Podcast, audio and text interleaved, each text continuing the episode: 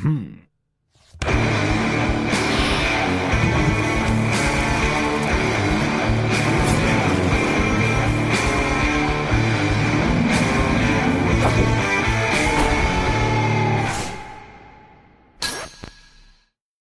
Pozdrav svima, dobrodošli u još jedan Agilast podcast. Pre nego što počnemo, samo da vas podsjetim uh, da sada imamo i nove partnere. U pitanju su prijatelji iz kompanije Volt koji se bave kućnom dostavom i za sve vas koji nas gledate, dakle imamo jednu lepu ponudu. U pitanju je popust od 400 dinara na prvo poručivanje. Dakle, ukoliko niste do sada poručivali sa Volta i želite da poručite, imate na prvu poručbinu 400 dinara popusta. Sve što treba da uradite jeste da ukucate promo kod imena ovog podcasta, to jest Agelas. Dakle, ukucate Agelas na Voltu i imate 400 dinara popusta i super je stvar što u ovo doba um, dostavlja, dostava je beskontaktna, tako da dolaze na kućnu adresu, pozvone i ostave vam poručbinu ispred vrata i imate 400 dinara popusta ukoliko iskoristite kod Agilast prilikom poručbine. I uh, još jedna stvar, uh, hoćeš Red Bull, brate? Da, hvala. Čega, hoćeš sa šećerom ili bez? Bez, bez, bez, bez. Evo ga, brate. Hvala. Okej. Okay. I mislim da smo spremni polako da počnemo. Ovaj, pre nego što napravimo ceo uvodni segment, ovaj, voleo bih da počnemo na jedan nešto drugačiji način. Ok. Valjda će biti kroz razgovor jasno zašto. A, iskoristit ću priliku da pročitam a, segmente Oscara Wilda, ali ovog puta iz a, njegovog spisa koji nosi naziv De Profundis, koji je napisao u zatvoru i koji je zapravo a, jedan od spisa koji govori o zatočeničkom životu i o ljubavi, ali koji je posvetio svom, um, svom ljubavniku, zapravo Lordu Alfredu Douglasu, jer uh, 1895. godine kada je on zaglavio u zatvoru, desilo se zbog toga što je bio homoseksualac, što je tada u Velikoj Britaniji bilo kažnjivo zakonom i ovaj, u zatvoru je napisao nekoliko a, spisa. Jedan je taj De Profundis koji je spisao za točeničkom životu i ljubavi i drugi, je, drugi su zapravo pisma iz zatvora. Oni svi imaju jel te, knjiženu vrednost, iako se ne klasifikuju kao nekakva knjižena dela. Ovaj, I taj De Profundis koji je posvetio svom ljubavniku govori zapravo veoma lepo o, o muci koja čoveka steže u zatočeništvu i o tome kako se nosi sa zabrenom ljubavlju. Sada mi se čini da je ljubav, ma kakva bila, jedino moguće objašnjenje za neobičnu količinu patnje što na svetu postoji. Drugo objašnjenje ne mogu zamisliti. Ubeđen sam da drugo i ne postoji.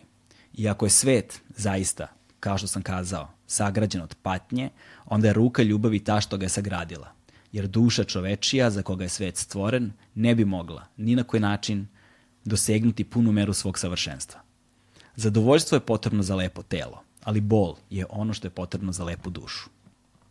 Naše, mi, naše misli kreću se kroz večnost, ali mi sporo koračamo kroz vreme, a kako sporo protiče vreme, nama koji smo u zatvoru, to ne treba ni da spominjem opet, niti da ti pričamo o umoru i očajanju, koji se uporno iznova uvlače u svačiju ćeliju i ćeliju naših srca, da ih moramo na izvestan način čistiti i ukrašavati svoje domove za njih, kao što se sređuju kuće za nemile goste, za surovog gospodara ili roba čiji smo robovi mi, slučajno ili po sobstvenom izboru. I mada bi moji prijatelji sada teško poverovali u to, ipak je sušta istina da je njima, koji žive u slobodi, dokolici i udobnosti, mnogo lakše da nauče lekciju o skrušenosti, nego meni, kome dan odpočinje padanjem na kolena i pranjem poda ćelije. Jer zatvorski život sa svojim beskrajnim lišavanjem i ograničenjima svake vrste čini čoveka buntovnim. Najužasnija stvar u tome nije što se nečije srce usled toga slama. Srca jesu stvorena da bi se slamala, nego što se okameni. Thank you.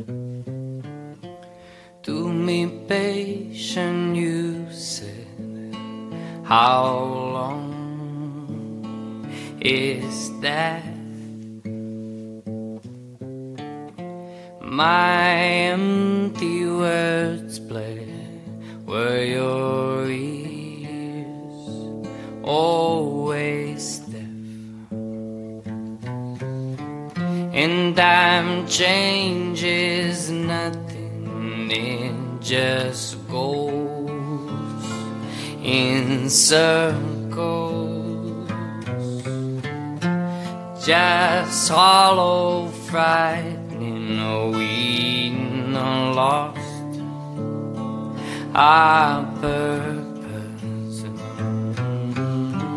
And diamonds told me nothing. I waited for so long.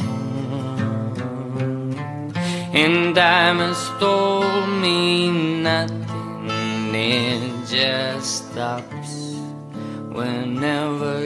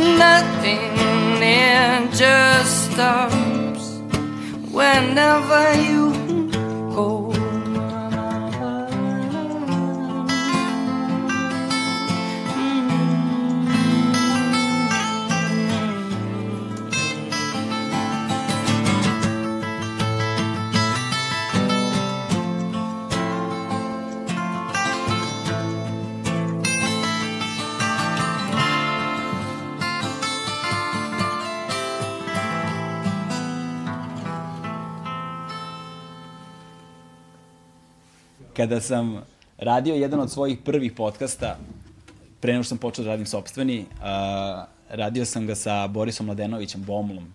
A, za ljude koji ne znaju o kome se radi, u pitanju je čovek iz benda Jarboli, čovek iz benda Mini Linija, iz mnogih drugih bendova i čovek zadužen za zvuk velikog dela alternativne srpske scene. Ovaj, koji, kada sam ga pitao šta ti je bilo najveće iznenađenje u studiju, je rekao, Kaže, kada se pojavio onaj mali Evox, Stray Dog, kaže, nisam mogao verujem da iz njega izlazi takav vokal. Da. Ovaj, a, a, I ovu pesmu sam čuo prvi put, čini mi se da sam je ti zvao, radio sam u Domu omladine, sedao sam u kancelariji tamo neke 2012. 2013. godine i od prvog trenutka kada sam je čuo nisam mogao da verujem ono, šta slušam i da postoji takav zvuk na ovim prostorima. A, kad i kako nastala ova pesma? Ajde počnemo tako. Pa pazi, ovo je pesma sa, sa drugog albuma. Ali ove, kao i sve te pesme, one nastanu e, dosta ranije nego što se kasnije zapravo objave, znaš. Mislim, bar u mom slučaju, sve pesme nastaju sigurno par godina ranije, dve, tri, četiri godine, nekad i više. Neke, neke ne uspeju da, da, da uđu na, na prethodni album, ostanu ti te, te, kao onako u nekom šteku ili ne znam, u nekom slučaju škartu, razumeš, nisu, nisu, nisu prošle ovaj, selekciju, ili ne stignemo da ih uradimo, i ovaj, što je isto jako zanimljivo, zašto ti kad kasnije uzmeš da izvodiš te pesme, ovaj, uopšte nije nešto sveže, znaš, to je nešto što se desilo, ako recimo pišeš ovaj, ne, nešto što si, što si pisao možda pre 5-6 godina, nešto sa čim jako teško može da se povežeš, mislim, sebi pada na pamet, a ta konkretna pesma Time je nastala možda 2000 8. 9. godine, otprilike. I ovaj, stigla da se snima tek 2012. za, za ovaj, e, drugi album. E, a trebalo da bude na prvom albumu, nismo stigli da uradimo, nije trebalo da, nije trebalo da uđe ni na drugi album da, da se nije javio ovaj Devendra Banhart s, koji, s kojim smo u stvari snimali tu pesmu, to nam je i napravilo veliki veliki neki probaj. On, on je, kao za ljude koji ne znaju u nekoj ovoj našoj muzici, u tom nekom indie folk zvuku, da kažem možda i neki onako najozbiljniji predstavnik, mo, možda i napravio svoj pravac, neki freak folk, ono, um, potpuno je van, van, van svake kategorije i on je bio i meni uzor neke vrste ili da ne kažem idol, znaš. Ove, I onda se desilo da radi s nama pesmu, što je zvao me na Skype da, da razgovaramo, što je bilo ne znam, kao da ako treniraš košarku, ko da te zove Michael Jordan, ono što se mene tiče, razumiješ, potpuno sam pretrnuo nekom, nek, nekim, nekom igrom slučaja, ovaj, je došlo do toga da on mene pozove i da mi kaže kad budemo snimali pesmu Time, to je recimo bilo 2010. godine, pazi, još uvijek nisam imao ni prvi album, nisam ja još uvijek ni zvanično svirao, nisam imao ni band.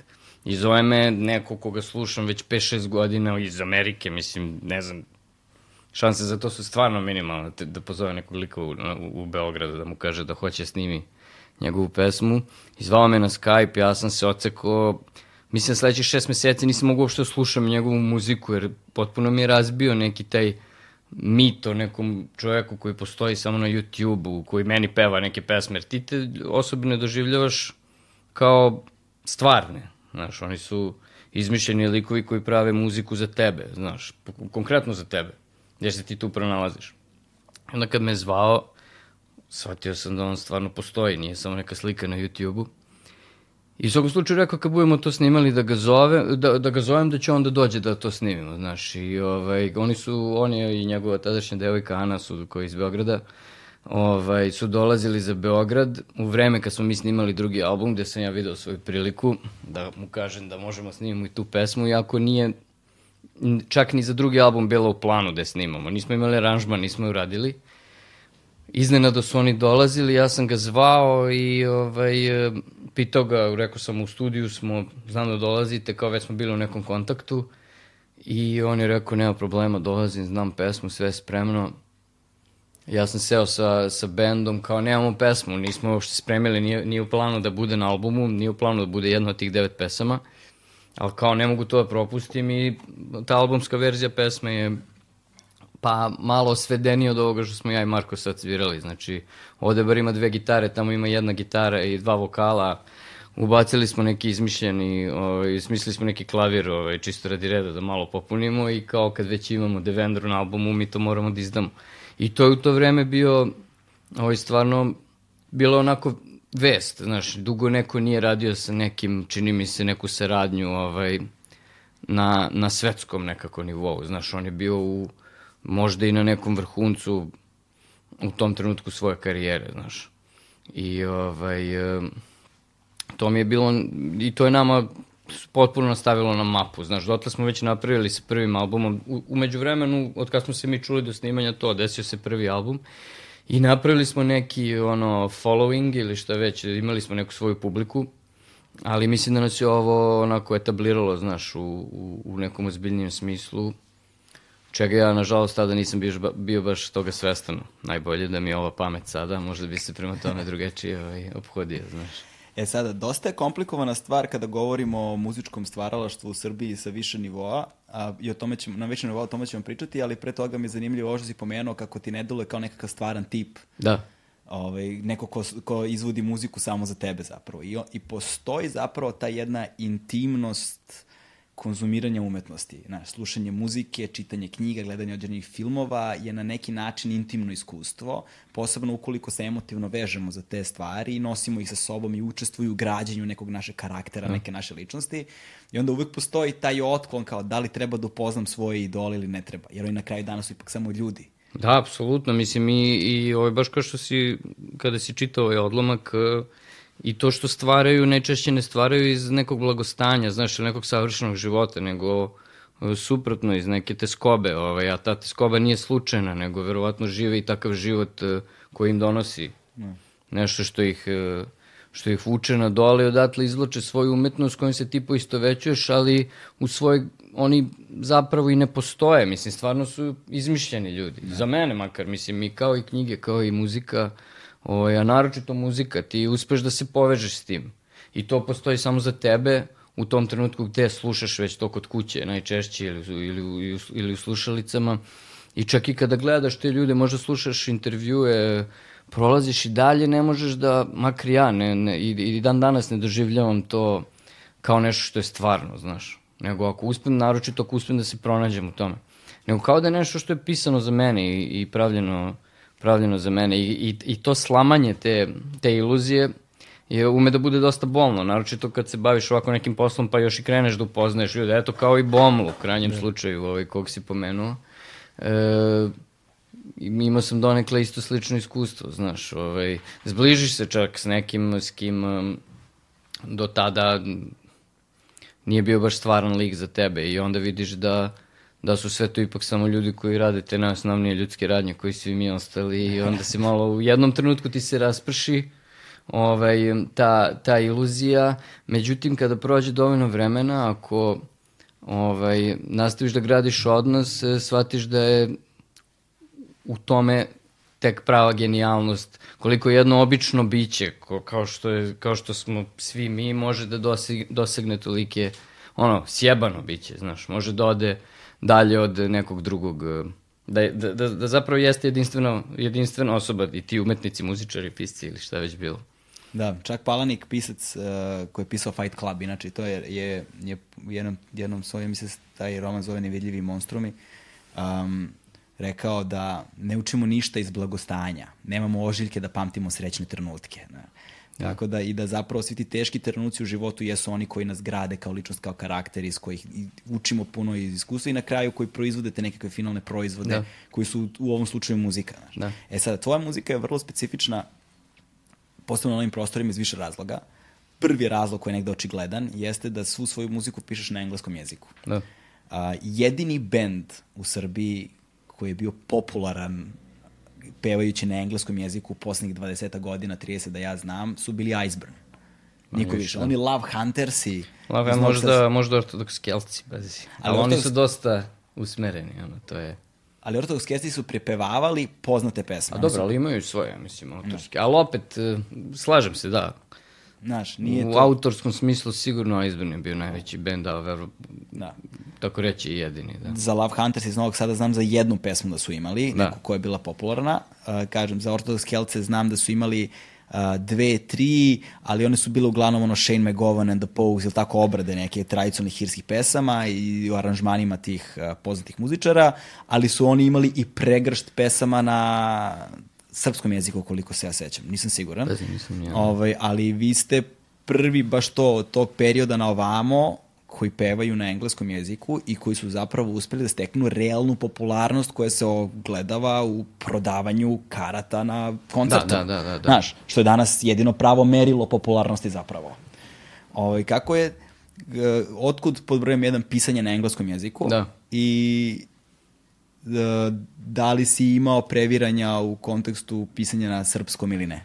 A znaš šta, to sa engleskim je ovaj, dosta, meni bar zanimljivo. Ljudi su, imao sam često, naročito u početku karijere, baš zato što tako dugo nije ni bilo benda koji peva na engleskom, a, a ima nekakvu, dobija nekakvu pažnju od publike. Znaš, mislim da je to pravilo prvi problem. Ovaj, u, tada, u to 2011. negde godine, su još uvijek postojali relativno ozbiljni neki portali koji su se bavili ovaj, kao muzikom poput Pop Boxa koji je radio dosta solidno i bilo je intervjua i uopšte bilo je drugačiji odnos prema, prema internetu.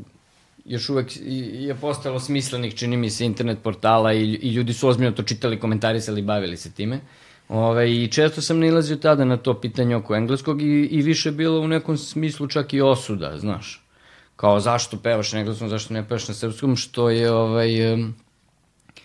kao i uvek je bila ta neka postavka da, da, bi, da, da, da je to sve negde osmišljeno da, da, da bismo mogli da kao napravimo karijeru u inostranstvu, znaš što je, mislim, potpuno absurdno, znaš, e, i ne samo u inostranstvu, nego da bismo bili kao popularniji, što ovde u Srbiji je, mislim, apsolutno ovaj, netačno, prosto, ne možeš, imaš, to ti je kao da imaš hendikep ako pevaš na engleskom, Nije, ne, neće ti to pomoći ovde u karijeri, a, a u inostranstvu ne postojiš.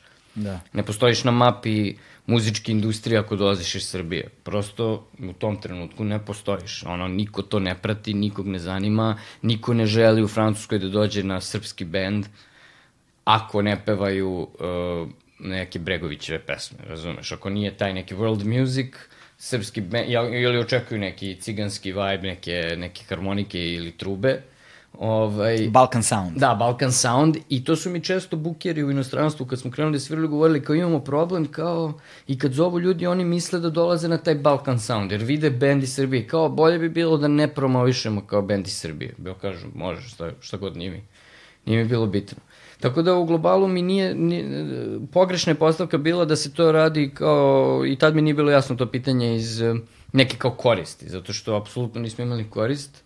Ono što E, se, se desilo je da ja, kad sam krenuo da pišem tekstove za, za muziku, da ih tako nazovem, u engleskom ima baš lepa ta, oni u engleskom jeziku kad kažeš songs, ja mislim da se skoro uvek misli na, makar u ovo današnje vreme, na pesme koje, tekstove koje pišeš za, za, za, za muziku, znaš. Ono, Bob Dylan zove svoje pesme songs, a poems su, su, je, je kao poezija, znaš. A kod nas je pesma kao pesma, može bude jedno i drugo. I ovaj, ja kad sam pisao te tekstove za muziku, oni su krenuli prilično prirodno da, da, da idu na engleskom jeziku. To sam slušao, time sam se bavio, to sam izučavao. Skoro samo to sam voleo, krenuo sam da sviram um, ono užasno šturo, manje više nisam ni znao da sviram, kasno sam i krenuo sa 21-2 godine. Imao sam te dve, ove dve žice, razumeš, i sve pesme, ono, od, od ono, White Stripes do Lebi Soul, do svega što sam mogao smisliti na dve žice sam svirao. I odmah sam krenuo da, kao da pravim svoje pesme. I odmah su bile na engleskom. Ne znam zašto, sigurno zašto sam to slušao, skoro isključivo.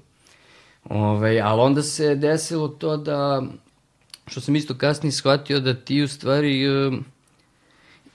Kao, kao druga teza u tim kritikama je bila da ti nisi iskren ako pišeš na drugom jeziku. Da ne možeš da postigneš tu iskrenost koja se traži kao u, u muzici ili u, u autorstvu uopšte, naravno, uh, ako pišeš na jeziku koji ti nije maternji, znaš. I ovaj, uh, što je meni isto isto nisam nalazio tačnim, znaš, ovaj, čak sam, čak mislim i dan danas suprotno, da moraš da budeš, ja, da ti kada pišeš na, meni se dešavalo, pišem na drugom jeziku, imam istine da ti imaš neku vrstu maske, znaš.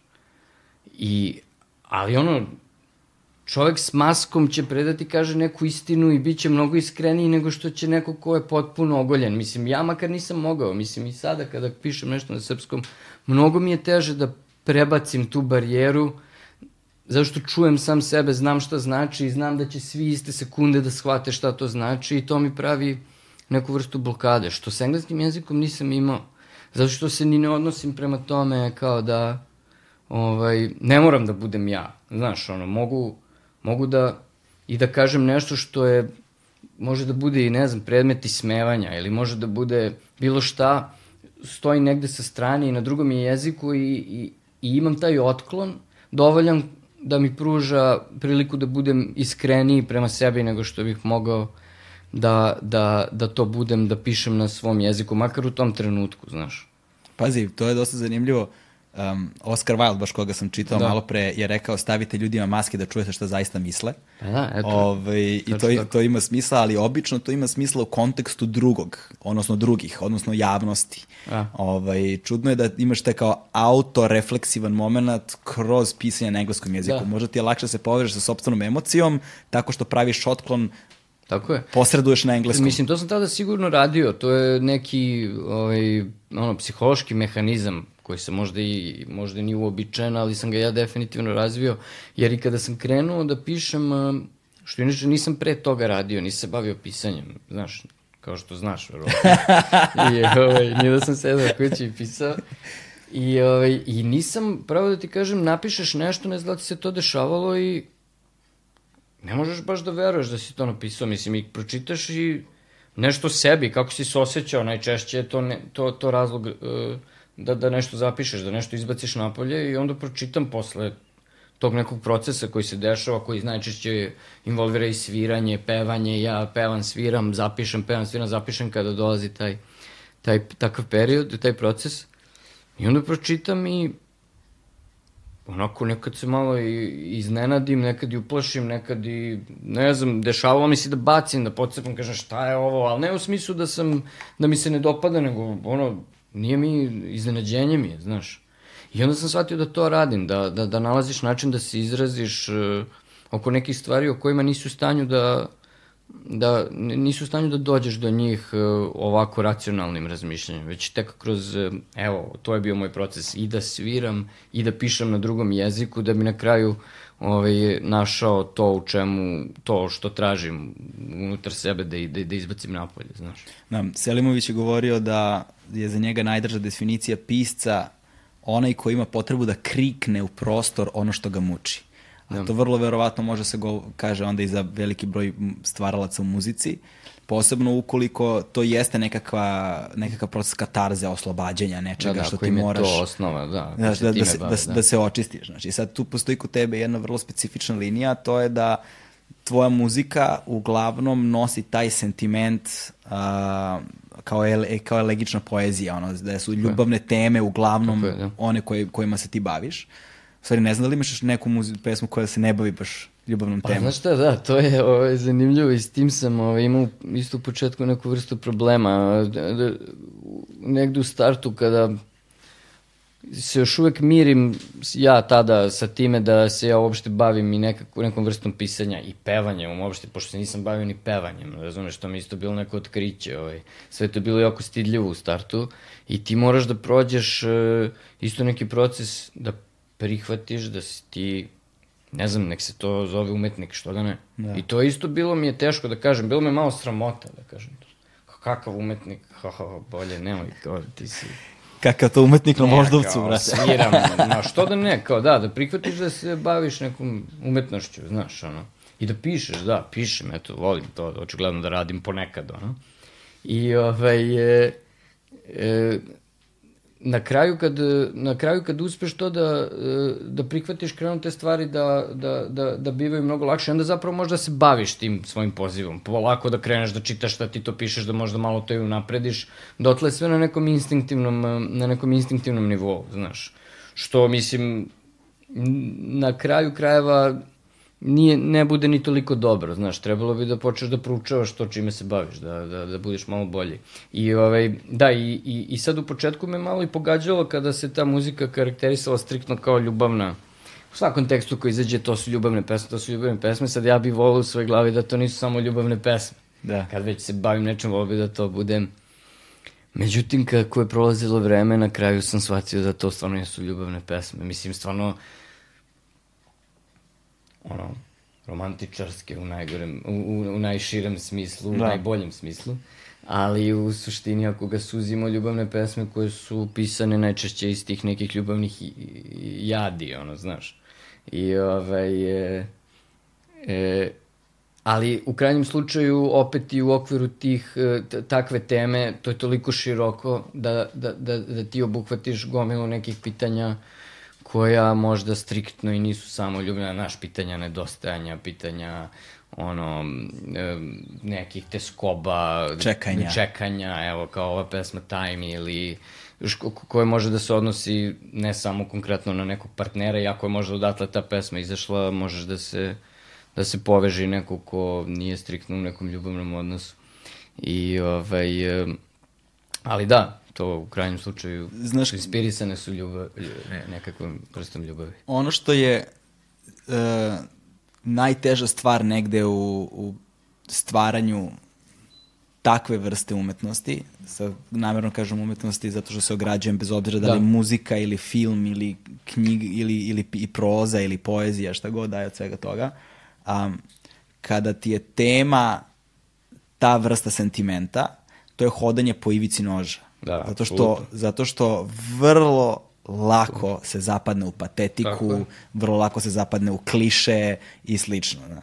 I uh, na koji način kada praviš to, siguran sam da si ono, u probanja, probanjima razno raznim zapadao, ko, Da, da. da si ono, posle određenog vremena skapirao kao ujebote ko je ovo zapravo, mm. znaš, kao patetika neka. Da, da. A, na koji, ka, kada i na koji način znaš da je stvar gotova i da ne zvuči onako kako si se možda plašio da će da zvuči? Da, pa mislim, to si apsolutno u pravu, to je jako klizav teren, mislim, i sigurno smo, i- sam i ja i na kraju i moj bend ovaj, smo klizali sigurno i na, na tu pogrešnu teritoriju, znaš, koju možemo da zovemo patetika, znaš, ali ovaj, e, mislim da je to čak okej, to ti je to putovanje, otkrivanje učenja i tog izučavanja toga čime se baviš, ali ovaj, ja sam se držao toga, mislim, držim se i dalje da da mislim takav, takav mi je ceo taj moj muzički rad je da se držim na što se tiče Stray Doga i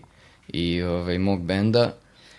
E, i tako smo se dogovorili u početku da su to moje pesme nečega što isključivo što ja doži, doživljavam. Znači što možda zvuči kao pa kao šta bi drugo bilo, nije najčešće tako, nisu teme o nečemu što se nekome drugom dešava, nisu teme o, nisu ni socijalne, nisu ni, ni političke, o, mislim možda u nekoj baš dalekoj ruci, razumeš, ali ovaj, su, je nešto što sam ja doživeo i što sam napisao zato što sam imao potrebu, jer, jer mi se desilo, znaš, i držim se toga, prilično striktno, ne izmišljam dalje, ne izmišljam ni priče, što inače rade, naročito storytelleri ili e, ljudi, ono, čak i moji muzički uzori se bave tim storytellingom koji je najčešće se bazira suprotno na tuđim pričama, na pričama koji su se desile u narodu, u folk tradiciji, o ubicama, u novinama je Dylan čitao članke, pisao pesme o tome,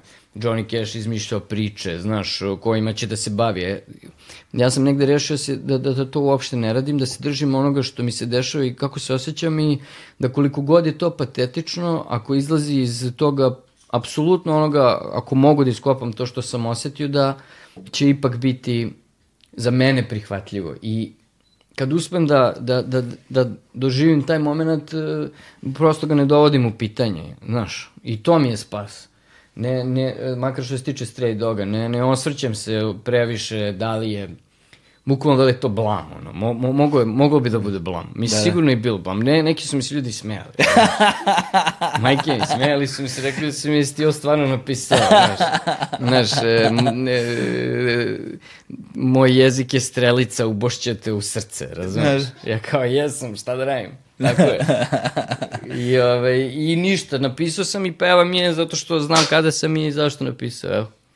Istina. Dobro, sad melodijske linije, aranžmani i tako dalje, Da. oni sad nose jedno... Tako je.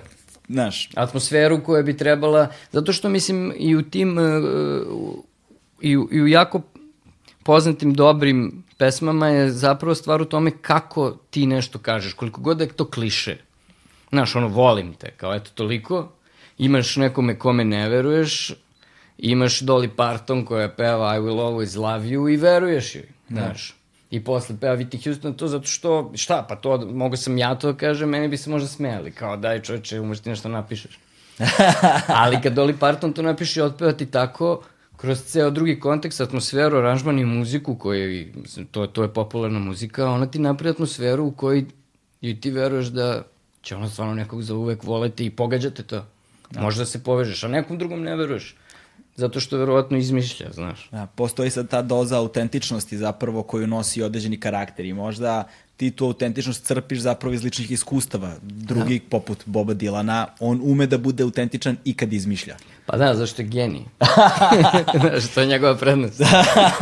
Može se reći. E sada, a, s obzirom na melodramatičnost a, koja postoji e, kroz celokupan Da. tvoj opus i koja je sada već posljednjih, evo, još malo pa 10 godina. Da, sledeće godine, da. Sledeće godine 10 godina. Znači, znači vrlo, ono, a, a, stabilno prisutna sve vreme. A, ti takođe stvaraš jednu sliku o sebi u javnosti, koja opet isto kao što da tebi bilo sa Devendrom ili možda da. s drugim izvođačima, razumeš, dolazi do rasprašavanja kada te ljudi upoznaju. Da, da, da, da, da to, to si upravo, da. to je dosta nezgodno, mislim. Znaš, koja, koja je to slika je, koju su ljudi imali i kako izgleda taj moment tvog susreta sa njima kad im raspršavaš tu sliku, znaš. Pa mislim, da, to i mene zanima kako njima izgleda, pošto se ja da ponašam onako kako se stvarno ponašam, mi sad se ponašam baš fino, znaš. Da. I pravim se pametan da bi probao da opravdam tu svoju sliku svojih pesama, ali u globalu ovaj, znam, ne, ono, znaš, to, nije ni ovo e, stvar kojom sam se bavio čitav život, niti sedim kući, ono, i e, čitam Williama Blakea po ceo dan. Da slomljenog srca. Da, da, slomljenog srca i ono, puštam da curi iz mene moja patnja, nego ono, živim normalan život, hvala Bogu. E, I de, dešavalo se to, mislim, ne znam, često ljudima bilo i simpatično to što ovaj, e, e, postoji ta neka razlika u, u, u karakteru izvođača i karakteru tog čoveka koji je, koji zapravo jesi, znaš, i to nisam, to sam, to sam naravno primetio kod gomile drugih isto izvođača, počeo od naših ovde lupama, Boris iz Repetitora, znaš, ono, na Bini je stvarno zver, brate, ono, su najbolji nastupi koji sam gledao u životu, toliko energija, kad blejem u backstage-u, oni sede svi mirno, normalno, normalni neki ljudi, znaš, nisu, ne dođu napumpani, idu i ruše stvari po, po backstage-u i hoće ono nekom da jebu mater, razumiješ, da. nego normalni, stvarno su čak i više nego normalni. Da. Mislim da oni misle da sam ja malo luda. Ja s druge strane koji idem tu i ono, umem da se po, po, ponašam ponekad problematično, ovaj, na bini se pretvaram u nekog dobrog medu koji ono, znaš, na ivici suza, čuti i kao malo je stidljiv i nema komunikaciju s publikom, znaš. Da. Da, da, i to je još jedna stvar, ti zapravo ne komuniciraš skoro uopšte s publikom. Pa, do, do sad nisam, da gledam, sad se u posljednje vreme trudim da to promenim.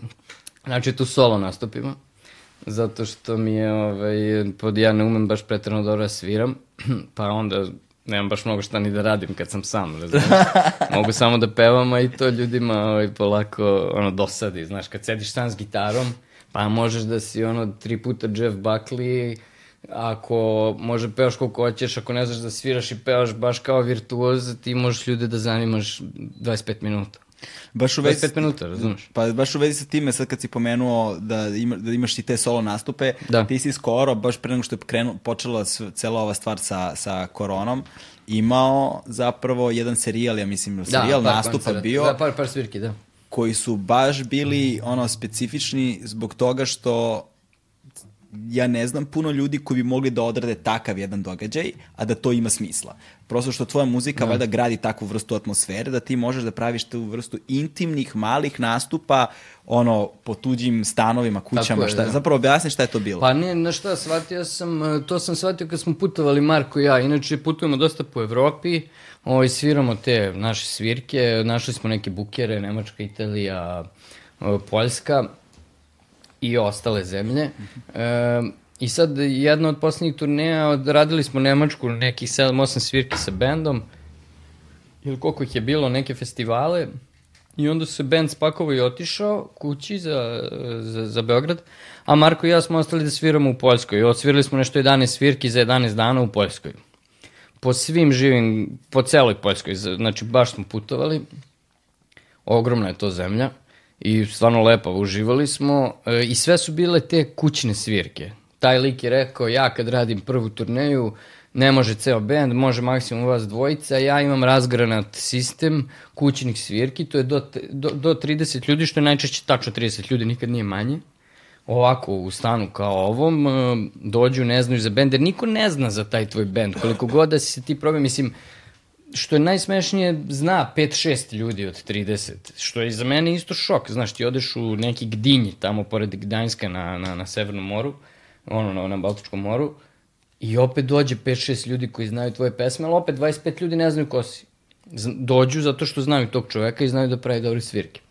I mi smo sad svirali i sad opet iz ovog razloga iz kog smo pričali, zašto na Srb, ja kod kuće ovde kod nas, ja nikad ništa ne pričam, ja samo ćutim, sviram, pesmu za pesmu, čak smo razradili sistem sa bendom da ne primimo skoro ni pauze, nego prelazimo iz pesmu u pesmu, napravili smo neke pasaže I ja ne moram da kažem ni reč, kažem dobro večer, hvala što ste došli, na kraju kažem hvala što ste bili, vidimo sledeći put i to je to. I sad kad smo bili tamo, valjda zato što na engleskom moram da pričam sve vreme, ja apsolutno mi se nešto otkači, nis, ne, nemam tu vrstu stegnutosti, znaš. Jer ovde ako nešto kažem u nekoj pesmi, mene je nekako sramota instinktivno, ne znam zašto. Tako sam se makar osjećao. Kao nešto sad ja previše otkrivam, ko da nije dovoljno što pevam te pesme, Znaš, izbegao bih to ako mogu, tako sam zamišljao. Još i znam gomile ljudi u publici, možda se o nekima tu i radi, ako slučajno se nalazi nešto o tome, ne, ne bi baš da, znaš. I, ovaj, i, ali u Poljskoj ne znam nikoga i ne znaju oni nas i onda sam rešio kao da je, ono, bilo mi je mnogo lakše da napravim nekakav, ovaj, eh, da dam neki kontekst, znaš, svakoj od pesama. I pomalo sam krenuo da pričam i ljudi su stvarno reagovali fenomenalno. Mislim, nisam, nisam to doživeo ranije. Ono, I prilaze mi naročito za pesme za koje sam davao neki šlagvort, pričao pričao o čemu se tu zapravo radi. To su pričao dva, tri minuta, mislim, ništa sad specijalno. Te pesme su im najbolje, fenomenalne reakcije, prodali smo sve CD-ove, mislim, što inače niko ni ne kupuje CD-ove, razumeš, poneli smo 150 CD-ova, sve je otišlo u Poljskoj, sve vinile, potpuno odlepili ono ljudi na svakoj svirci. I tu sam krenuo, i onda sam shvatio da to treba da uradim u Beogradu, naročito tamo gde u stvari ljudi vole da, dođe na moju, da, dođe, da dođu na moju svirku, znaš, na našu svirku.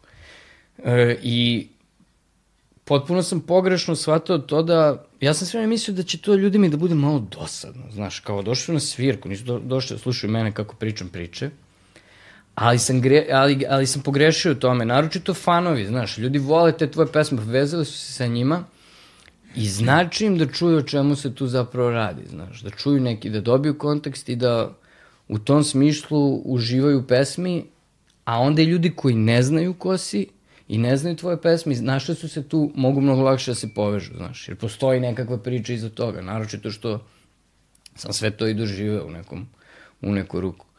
I super su bili, to je bilo dva, tri nastupa ovde u, u BG u Novom Sadu I ovaj, super je prošlo, znaš, i meni je bilo hiljadu puta lakše, odsviram 10 pesama umesto 20 pesama da drvim sad tipo, znaš, ono, više, ne znam, meni je dosta i svog glasa i, te, i gitare.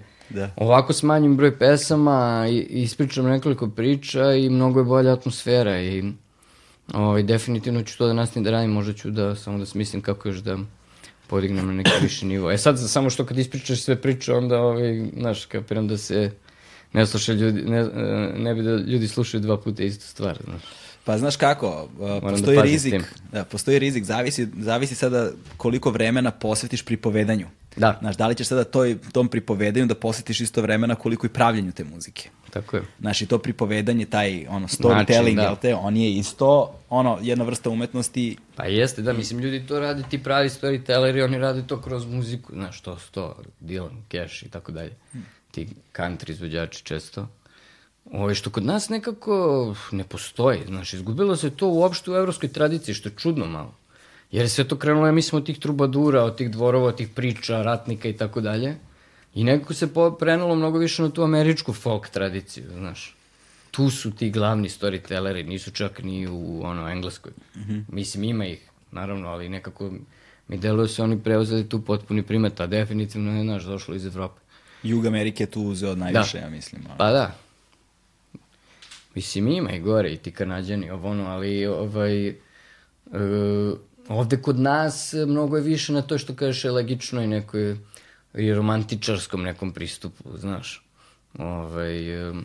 E sada, ono što je uh, zanimljivo u svemu tome jeste što opet se pokazalo da kada si u Poljskoj pričao te stvari i, nije, i otkačiti se žica, opet je zato što si možda govorio na engleskom Naravno, jeziku. Naravno, da, ja, su, ja sam siguran, mislim, da nije bilo toga, ne bi to uspeo ni ovde da uradim. I ovde kad, kad uspeš, naravno, kao i sve, kad uspeš da prelomiš i da uradiš nešto, ako je dobro, ti to odmah osetiš, znaš. Da. Ovaj, e, ali da, to mi je bio opet taj otklon. I onda sam shvatio da je... Mislim, ima i tih pisaca koji ne pišu na maternjem jeziku, koji su uspeli, znaš čudno je malo, ali ovaj Kosinski, baš kog ja volim, on je pisao na engleskom, ono Poljak. Ako je on to pisao, pa... Isto. Da, To je isto Nabokov pitanje. je pisao na engleskom takođe. Bilo ih je dosta koji Da. su pisali. Posebno kada su emigrirali u druge zemlje. Onda Pa da, su da, pisali posle tamo. rata, da. da.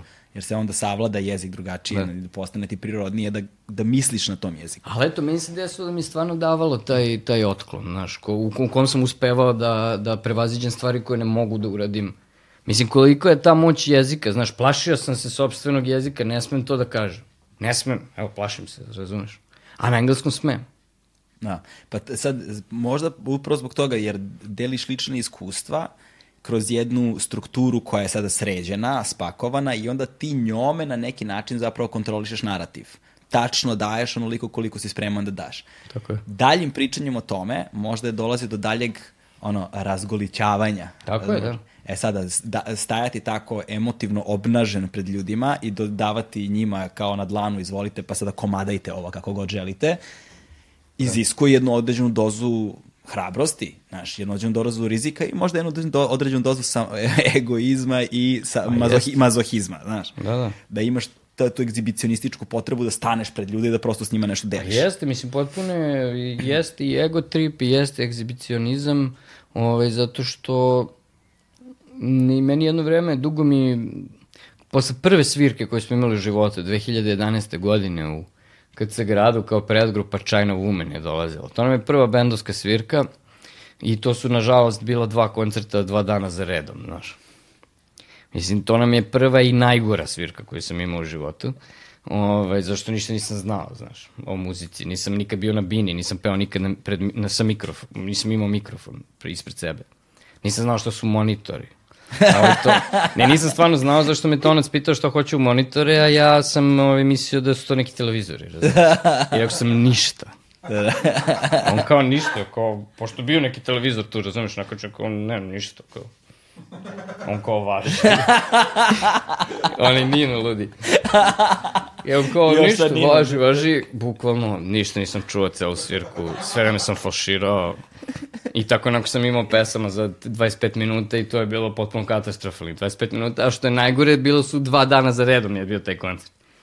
Jesi za drugi dan naučio šta je monitor? Pa mislim, neko mi je vjerojatno rekao, ali toliko sam se isprepadao taj prvi dan da...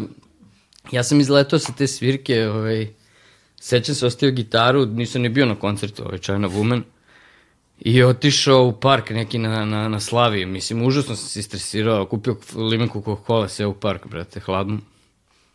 Jer mislio, prvo, razumeš, ti pevaš neke stvarno lične stvari, razumeš? Baš lično, meni, makar tada. Nisam ja planirao time da se bavim muzikom, znaš, ja sam pisao i svirao zato što mi se dopadalo da konačno mogu da nađem način da se, da, da se ispraznim, razumeš? I sad igrom slučaja sam dobio taj nastup i to, sve se nekako poklopilo. Nije mi bilo jasno zašto ja to radim, da sam ja normalan. Ko to radi? Ja najboljim prijateljima ne pričam o tome što radiš. da, da. Ne sednem stvarno, imam nekoliko najboljih štaka, ne, ne, ne, ne kažem, e, ajde dođi, ne znam, krle, sedi da ti kažem nešto. Gle, kao, juče sam se baš raslako, ovaj, znaš, devojka je bila, na kome, ko to priča, niko se kući sam na... E sad sedim pred ono često ljudi i pevam o tome još, Da, pazi, da. pevaš. Koji blam da pevaš, be, ko peva je. Kao pevam, sad se ja našao njima da pevam. I sramota me, znaš, zblem i sramota me i kao, bože, ja stvarno nisam normalno, ali onda o instant, jako nikad to nisam radio, ti nastupa drugi moment gde te ti ljudi ne slušaju uopšte. Pošto ne, ne znam za tebe, niti ih in, interesuješ na toj prvoj svirci. Ti si predgrupa, neka čekaju, ja da čekaju da se završi.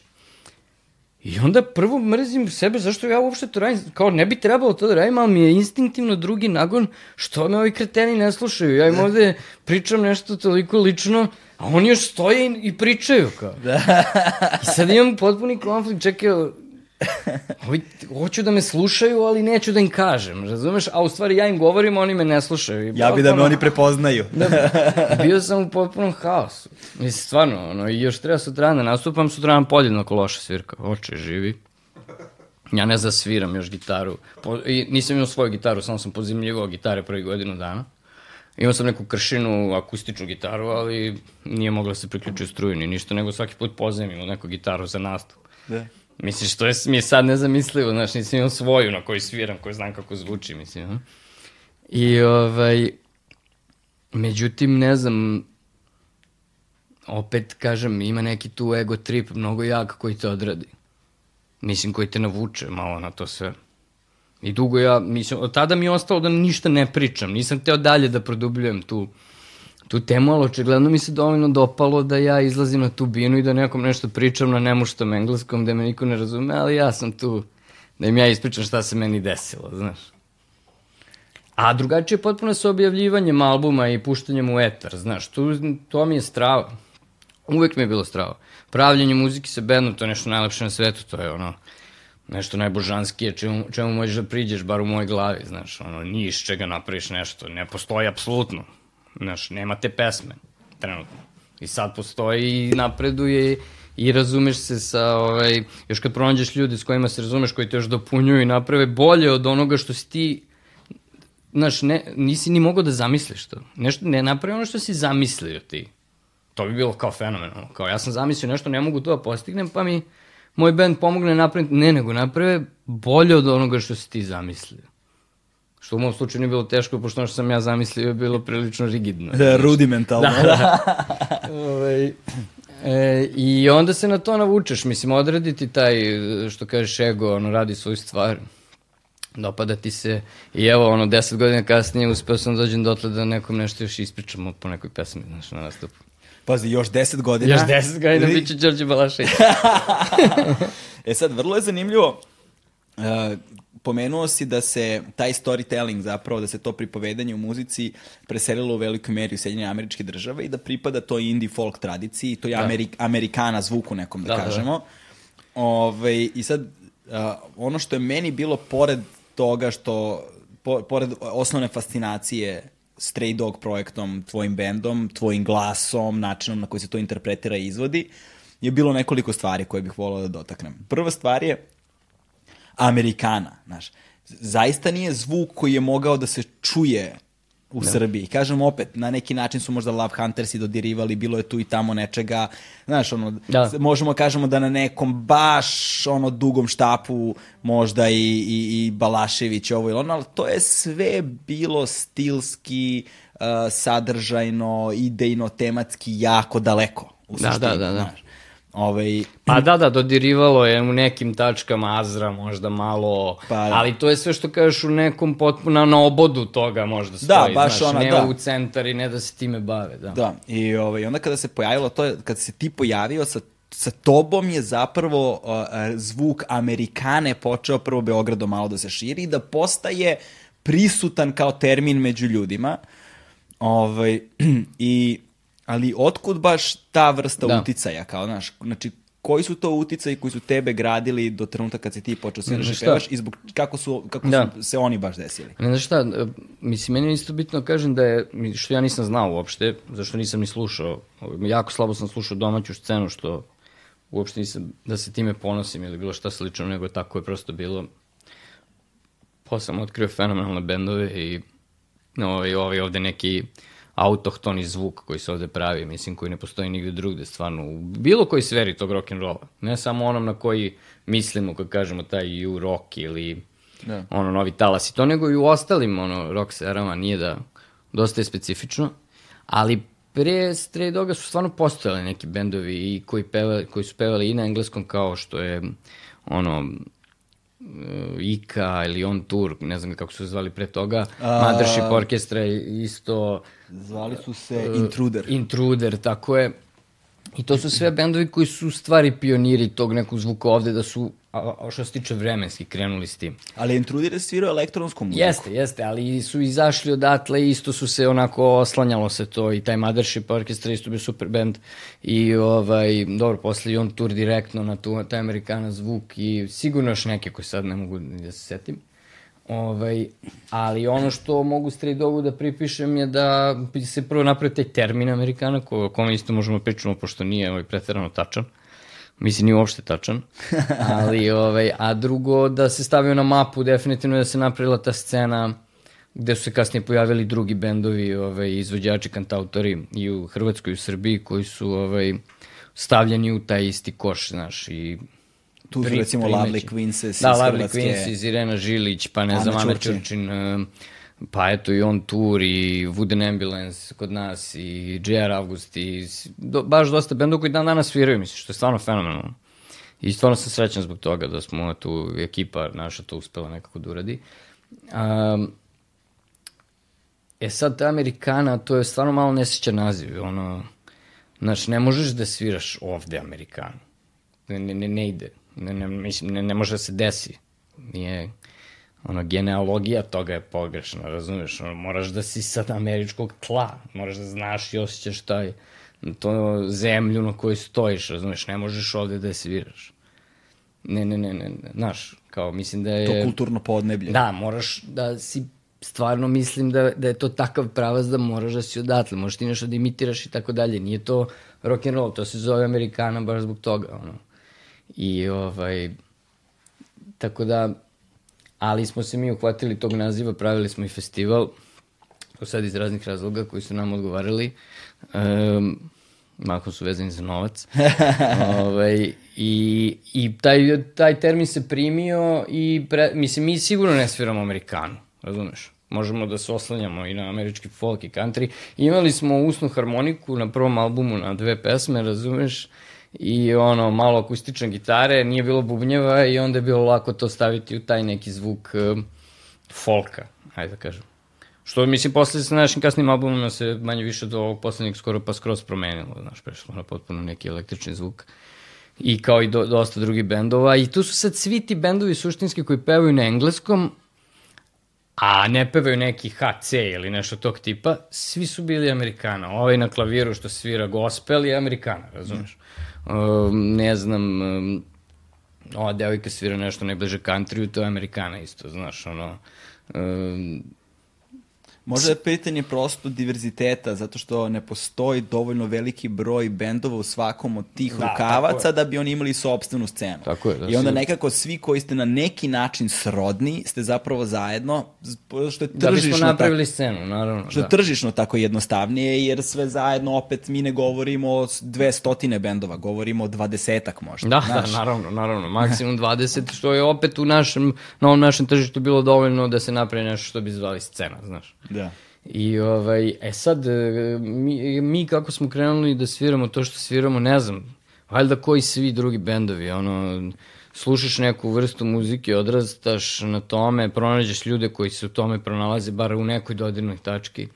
I ovaj, svako, što se više upoznaš sa svojim bendom, e, to više se taj zvuk menja, znaš. E, u stvari ti kad imaš bend od recimo pet ljudi, ti pronađeš te zajedničke tačke u onome što volite, razumeš? I oko to postane definitivno ta tvoja osnova, ovaj zvuk, osnovni zvuk. E sad ono dalje što donosite, ono dalje u čemu se ne poklapate, to je ono gde taj osnovni zvuk sada skreće, ko kako prevagne i, i kakvi su odnosi u bendu. I to se i nama naravno desilo, znaš, kako nam se promeni član, malo nam se promeni i zvuk. Što je fenomenalno. Znaš, da. Kad je došao Relja na bubanj, on je svirao u raznim, ne znam, pankerskim bendovima, znaš, on malo povuče, malo promeni, ubaci svoj deo aranžmana, ima neku novu ideju, ako se, se svima to dopadne, nama se zvuk menja, znaš.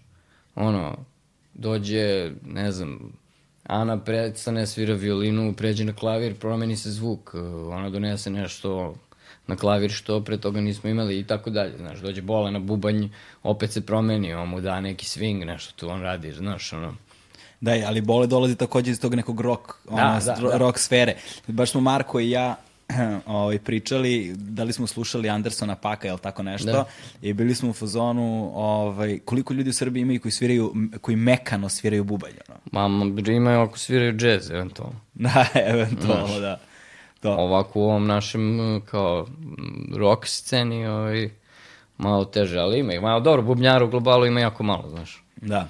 E sad, um, da se vratimo malo na te uticaje. Da. Dakle, da. ok, definitivno smo čuli neke, čuli smo Boba, Boba Dilana, čuli smo Dolly Parton, naš, čuli smo da. ono, znaš, dakle, ja, jasan nam je ta, ta, taj zvuk uticaja, ovaj, a da nisi slušao domaću muziku, kako se to zapravo desilo? Znači, od, od dekle si ti kupio muziku, dakle su došli ti uticaji? Pa da, znaš šta, ja dolazim iz uh, familije, moj ćale piše ovaj, dosta o muzici i dan danas... Uh, bavi se jako mnogo muzikom, slušali smo od ranog detinjstva, ima tu kolekcije koje čega, od vinila do kaseta koje sam, ovaj, CD-ova koje sam ih jedva natura da bacimo sad pri renoviranju stana. Iako mislim da ih nije bacio, nego da ih strpa na tavan, ali Ne znam šta ćemo, stvarno, mislim da to ne radi više, razumiješ? mislim, jel radi Senti- kompakt disk? Sentiment je to, ono, Pa znaš. nije, ali ni koji, ono, raspada se sve posivilo, ne vide se više ni ti kaveri. Ja mislim da ne rade kompakt diskovi posle 20 godina. Ako nisu original, ako su kod skrca, brate, bugari, Da, da, da. ne rade.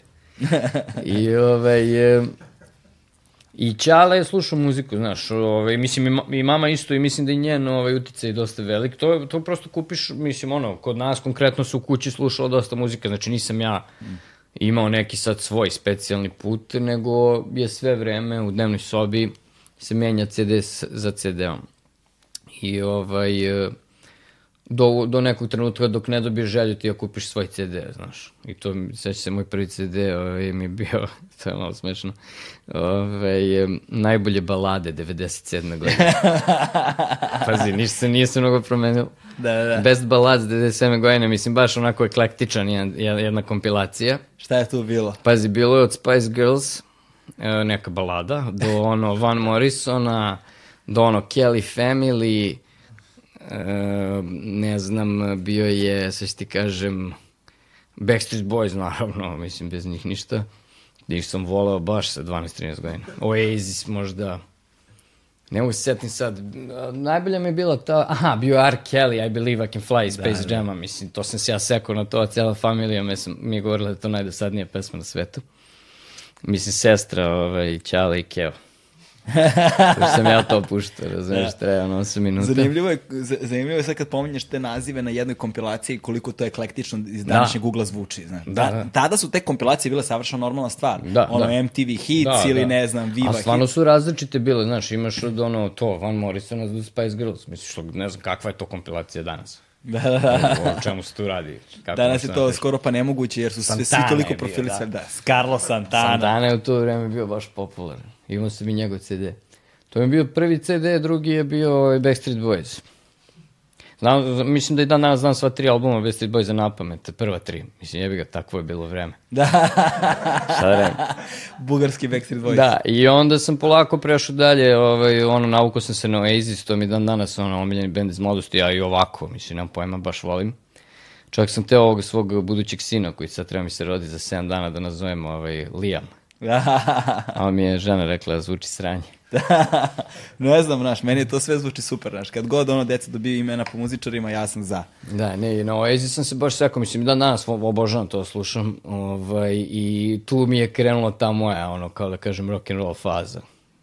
Nisam to ništa razumeo u početku, te kantautore, mrzeo sam Bob Dylana, Ćala kad pušta, on je baš veliki fan.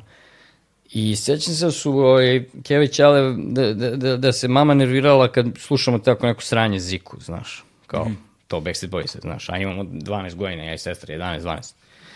I, ovaj, I kao srđane, kao što, što ne razgovaraš s njima, kao da počnu da slušaju, daj im nešto dobro da slušaju, znaš. Nemoj da slušaju ovog. Da, a Ćale kaže, ne, kao nek slušaju šta, sluš, šta slušaju u svojim godinama. Kaže, sve to će da dođe na mesto ako se u, u kući sluša ono što mi mislimo da je dobra muzika, da, što god to značilo, znaš. I mislim da ako si desilo, valjda mora prođeš sve te ono, na, na, si blok, to sam se sve išao na Time is koncert. ticking da, away. Time is ticking, na, na, na, nemački reper. I ovaj, da bi ono na kraju stigo to do Ezis, pa Cepelin i sve ono dalje. I to je to, tako, tako se pravi, to, to su mi utice i onda sam se navukao u jednom trenutku na te kantautore, znaš, i tek sad ti u nekom, kada stasaš, valjda kreneš da slušaš i nešto što je, ovaj, da obraćaš pažnju na tekstove, da čitaš, da, ne da obraćaš pažnju na tekstove kao ja, udarila me pesma, razume se čemu se radim, nego postoje ti, ono, ozbiljni pisci, mislim, eto, kao Dylan, koji na kraju krajeva i dobio i tu Nobelovu nagradu, znači da nije, znaš, baš, možda da se o tome diskutuje ili ne, ali definitivno se čovjek bavi pisanjem, znaš, i moraš da slušaš to i da proučavaš na neki Moj način. najveći problem sa Bob Dylanom je što ga ne razumem ništa. Pa dobro, da. Znaš, znači što Nije, ono, naravno. moram da čitam tekst. Moraš, da. Nema šanse da slušam Moraš. muziku i kao ako prvi put čujem pesmu i da ja razumem šta on govori. To mi je ono, ja 60% mi Jasno. prođe, propustim potpuno. Pa zato kažem, to su neki, ovaj, ili ne znam, Cohen, koje neki izvođači koje moraš da proučavaš malo. Da. A za to te kasnije dobiješ trpljenja, mislim. Ne, ko što je pisac Damir Karakaš u svom romanu Blue Moon rekao za Koena i Bob Dylana, ne zna se ko je dosadniji. Jeste, to je stvarno i prva, prva, prva pomisla, da.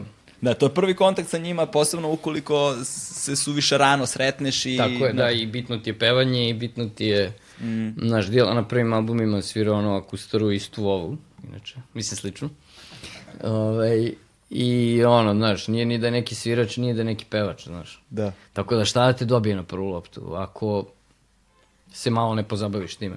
Moraš da uđeš u nemaš više te Pa, da. muzike, da. E sada, vrlo je zanimljivo ono što si pomenuo da si relativno kasno uh, počeo da se baviš muzikom, a to je on, druga stavka kod ovih početaka koja mi je zanimljiva bila, uh, koju sam teo da pomenem, a to je, uh, pošto sam ja baš dugo u svetu muzike ovde na sve moguće načine osim pravljenja muzike. Da, da.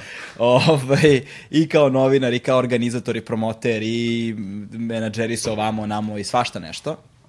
I pisao sam puno o muzici, ovo i ono. I skoro svi muzičari, uslovno rečeno novi, koji su se pojavljivali, bili su ili klinci koji su se pojavili i kao wow, vidi ove klince, ali su super, ili su bili neki ljudi koje si na, na neki način znao od ranije. Znaš, bili su prisutni prosto na Da. sceni, u kulturnom životu, u toj sferi, u tom habitusu na neki način. Da. Ovaj, ti kad si se pojavio i tvoj band Stray Dog kad ste se pojavili, to je samo bilo ni otkuda. Znaš, nije kao... Jeste, da, da, da. Znaš, bukvalno je bilo ni otkuda, kao otkud ovi ljudi, kao gde su se, kao znaš, odakle su oni, s koje planete su oni došli, znaš, kako Da, je da, da, moguće da, da. se ni otkuda pojavi neko ovakav i pritom vrlo brzo ste došli na nivo popularnosti koji se među takozvanom, pod znacima navoda, kod nas alternativnom scenom ne viđa. Da, da. Znači, ti imaš bendove koji sviraju po 15-20 godina, pa, znaš, moraju da se skupe sa još 2-3 benda da bi prodali 500 karata Tako negde. je, da. Znaš. A onda se desila, ne znam, ono, 2012-13 kada, se, kada sam gledao da. vaš koncert u Domu omladine gde ste vi rasprodali salu Amerikana od, ne znam, nekih 700 karata Mm. kao sami. Ne znam, da mislim, niste Bila je biti pa tibi, ali kao neki double bill, ali da, manje Da, više kao neka predgrupa, sami, ali da, tako nešto. Znači, i, to, i tu sam pritom video klince, neke nove klince. Znaš, kao koje ne viđaš inače na koncertima.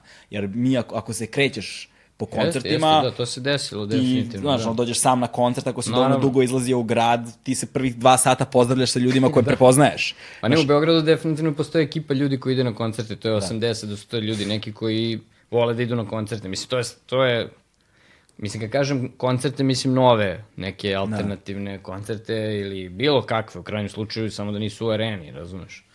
Ovaj, I to je tih 100 ljudi.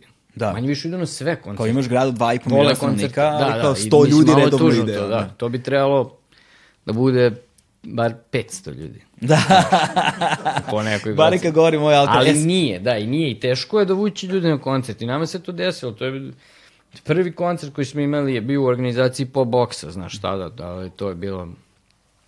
Jeftina je jako bila karta, se razumemo, nešto 200-250 dinara. Da bi bila dostupna i da bi došli ljudi koji ne idu na koncerte, da ne bi bilo kao je dao sam previše love. Ovaj, sećam se toga da je bila jeftina karta, ali bez obzira, mogu si ti da staviš i nula dinara kartu, Stray Dog prvi koncert i do- znaš kako će ti dođe, 15 ljudi, mislim. Nije bitno što je bila jeftina, došlo je ono, svirali su Biti Petibi i Stray Dog, dva nova benda koji su se pojavila i mi zajedno smo tu prodali celu tu salu. Meni to bio, prvo smo prodali malu salu, tu je trebao da bude koncert, to je oko koliko 300 ljudi možda. I, Mala sala Doma omladine. Doma omladine, 250, maksimum. Da. da. I mi smo svirali taj četvrtak, u petak sviramo u Beogradu, u četvrtak smo svirali Kragujevac prvi put. Mi smo tek krenuli u tu karijeru, to je bilo posle tog koncerta s China Woman. I sećam da smo u Kragujevcu prodali 27 karata. Po 1 evro, e, to je 100 dinara. 100 dinara je bila karta, Da, da. pazi, to je. Znači, i dobili smo d- 2700 dinara. Mislim što je pola koliko ti treba za benzin, znaš. Da, da, da. A kao, cool, jo, kao, wow, 27 ljudi, mislim, meni to stvarno zvuči cool, brate. Da. Ne znam ja, dobro, jeste da mi prvi koncert bio manje više pred dva puta po 400 ljudi, ali bio katastrofalno, nisu došli zbog mene, ovo je bio naš koncert, došlo 27 ljudi, ako respekt, i zove me Ambrozić iz doma, posle svirke u Kragovicu, 27 ljudi, mi kaže da je rasprodat koncert u maloj sali i da prebaci u veliku salu. Razumeš da? Znači da je više od 300 ljudi. Šok, ne mogu da, ja, stvarno, ja stvarno mislim da je neka greška, ne mogu, nije realno, razumeš. I dolazimo na koncert, mi smo, ja, to je bila katastrofa, mi smo našli za taj koncert ovaj, smo imali, ja, ja sam iscimo Uroša Milkića iz Trisoma tada, benda Trisom, sada drži studio. A pre toga euforija. Euforija, tako je, e, da nam svira bubanj. Tamo u Bigzu smo imali našu prostoriju, nismo imali bubnjara, mi smo bili da. kao neki kvartet, e, e, violina, klavir, e, gitara i gitara. Mislim što je dobro za ono kafić, razumeš? Ne možeš ti da tako, još ako ne znaš da sviraš, kao što u našem slučaju bilo, ovaj, ne, nije ni za kafić, razumeš? Ne za dom omladine, znaš. I mi to shvatimo možda jedno 7 dana pred tu svirku. Sad nisam, nisam ja znao da će biti to puna velika sala, ali bez obzira koliko god da ja ne mogu da iđem na binu, mi nešto gudimo, one instrumente, gomila nekog zvuka, a ništa ne izlazi, znaš. I ne znam ko kaže, Marko ili neko, moramo da nađemo bubnjara, znaš. I ja kao, ajde, nađemo bubnjara. Uroš Milkić, kojim smo delili prostoriju, koji nije bubnjar, nego je gitarista, ali je nekad svirao bubanj, kaže, mogu ja da vam sviram bubanj. Misliš, šta njega briga, ono, može se zezati malo.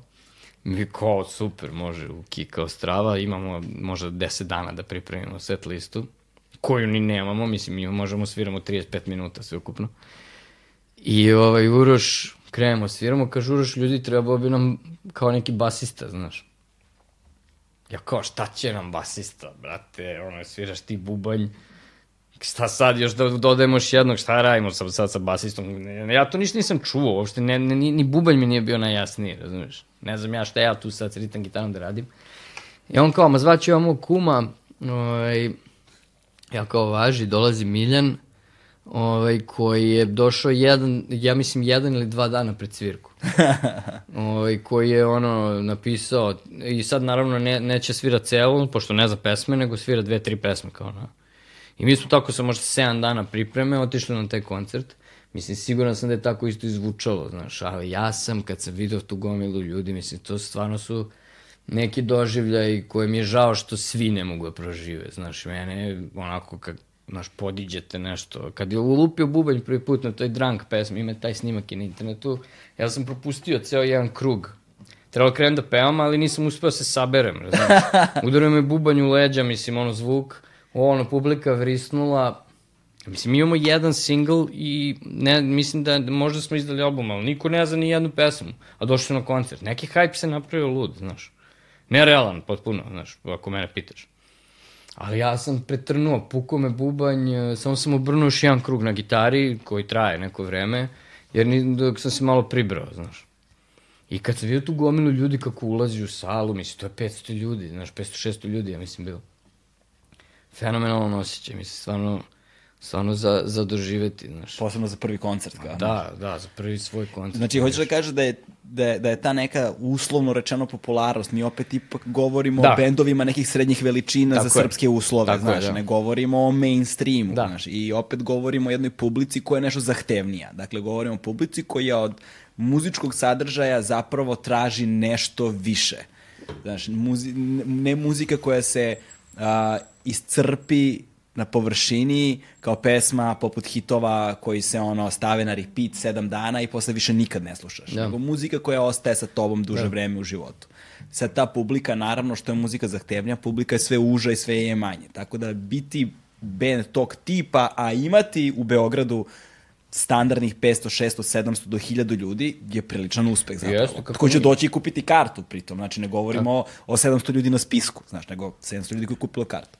E sada, za vas je to, koliko sam ja razumeo iz ovoga, bilo iznenađenje u suštini. Ogromno, da. Pa mislim, to što si ti rekao, ovaj, sve se ekstremno brzo desilo, znaš, od te prve svirke u KC gradu do prve raspredate svirke u Domu omladine je prošlo tri meseca. Nismo, Gde su oni vas zapravo mogli da čuju? pa ne, ne, lju- ljudi su čuli, to jest imali smo sreće da smo upoznali i Ivana Lončarevića i Duleta Bauka na tim prvim svirkama gde smo svirali kao predgrupa. Baš na toj China Woman mi Ivan došao i rekao, ajde svira, super meni ovo, jako je bilo katastrofa, ali prepoznao čovjek nešto, da je drugačiji zvuk. Mislim da je cela poenta bila da se nije svirao, ta, kako isto si to i rekao, da se nije svirao taj zvuk toliko, a bio je potreban. Dešavao se izgleda i u svetu, na, na, na svetskom nivou, nije moglo drugačije da se desi. Malo je probio tada taj akustični zvuk, čak i u pop, znaš. I, ovaj, i tu smo se mi, tu smo mi našli nišu. I, ovaj, onda je odmah krenulo. Jedni ljudi su mi se javili, Miki Jačimović i Ivan Ikić, da mi snime spot, potpuno nevezano od Ulete Bauka da, mi, da nam snimi album. Mi smo snimili album za tri dana, devet pesama, znaš. Mislim, što mi sad isto ne zamislilo, meni je to sve bilo normalno. Da, da. kao ovaj, tri pesme dnevno. Full, tri pesme. Kao. A Marko je došao tri dana pre toga svira gitaru i nije isto znao kako se zovu pesme, nego ih je zvao prva, druga, treća. I odsvira, nije on svirao smišljeni sol, nego tu na snimanju svira tri različita so, so, tri različite sol gitare i onda prihvatimo jednu koja je otprilike najbolja.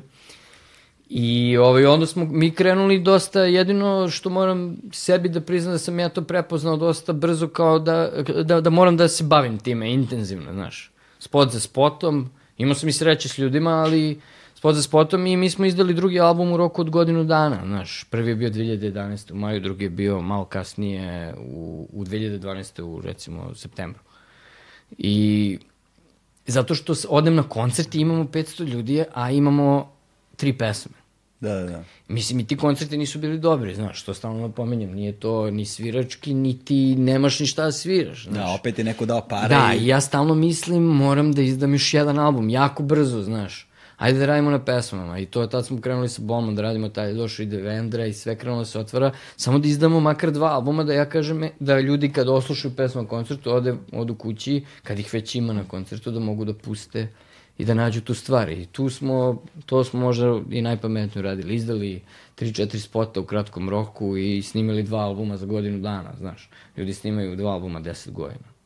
Znaš. Da, i sad je vrlo zanimljivo to, sad postoji tu jako puno tema na koje ću se vratiti, koje su mi ono, ko, koje želim da razjasniš malo, ali uh, kad si već pomenuo uh, sam, sa, sama dva albuma za godinu dana, sećam se u našim razgovorima više navrata da si pominjao da svake godine moraš da imaš jedan album da je to bilo neko pravilo. Kao... Ne, na dve godine sam ja na... planirao. Da. A tad sam uradio za godinu dana, bio sam u fazonu da bi bilo idealno da na dve godine izdajem po album. Mislim što smo po, u ovom nekom, u proseku na kraju svukli za ovih Dobro, nismo baš, sad već ulazimo u desetu godinu, imamo četvrti, četiri albuma, ali ako izdamo peti, sledeće godine, Da. Uspeo sam. Uspeo si, da. Znaš, po, album, po albumu da, dve negde godine. sam ga razvukao na tri godine, negde kraće. Da, i vrlo je zanimljiva činjenica da se zapravo otvorio prostor za taj zvuk. Da. Znači da je zapravo uh, Lonče i ekipa su da. gajili tu publiku jako dugo. Tako znaš, je, oni su napravili tu kritičnu masu koja je mogla to da otvori kad se pojavilo nešto davde. Da. Znaš, oni dovodio i neke izvođače... Poput ko... Marka Lanegana. Lanegana, Baknera, ne znam uh, sad koga već ovaj, koga nije doveo, razumeš, Demina Đurada ili ne znam, sve žive, s kim smo, mi smo svima njima svirali isto ko predgrupa, on nas je gurao. I on je napravio, što kažeš, tu kritičnu masu koja kad se pojavi bend odavde, koji ga i donekle takav zvuk, ti ljudi mogu da ga izguraju napolje hajpom, razumeš? Da, automatski se prelije ta publika. Da, da, da. To govori o tome koliko zapravo, izvini se što te prekidam, ali meni je zanimljivo zato što konstantno se pri, forsira priča o tome kako u ovoj zemlji se sluša isključivo ova ili ona muzika.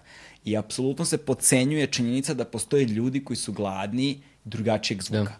Ali da to ne isključuje i publiku koja sluša ovaj ili onaj zvuk, ne znači da slušaju samo to. Tako je, ne znači. znači. Mislim, njih najviše što, što, što kažeš treba i pri, pri, pridobiti, znaš. Da ti se pojave na koncertima ljudi koji ovaj, inače ne dolaze ili uopšte na koncerte ili dolaze na kao drugu vrstu koncerta, to je zato što nije bilo takvog zvuka i žele da čuje nešto što je prosto što je prosto dobro, ali nažalost se i dalje sve svodi na ovaj, te, te individue koje se bave kulturom kod nas, znaš, na svoju, za svoje zadovoljstvo i na svoju štetu, znaš.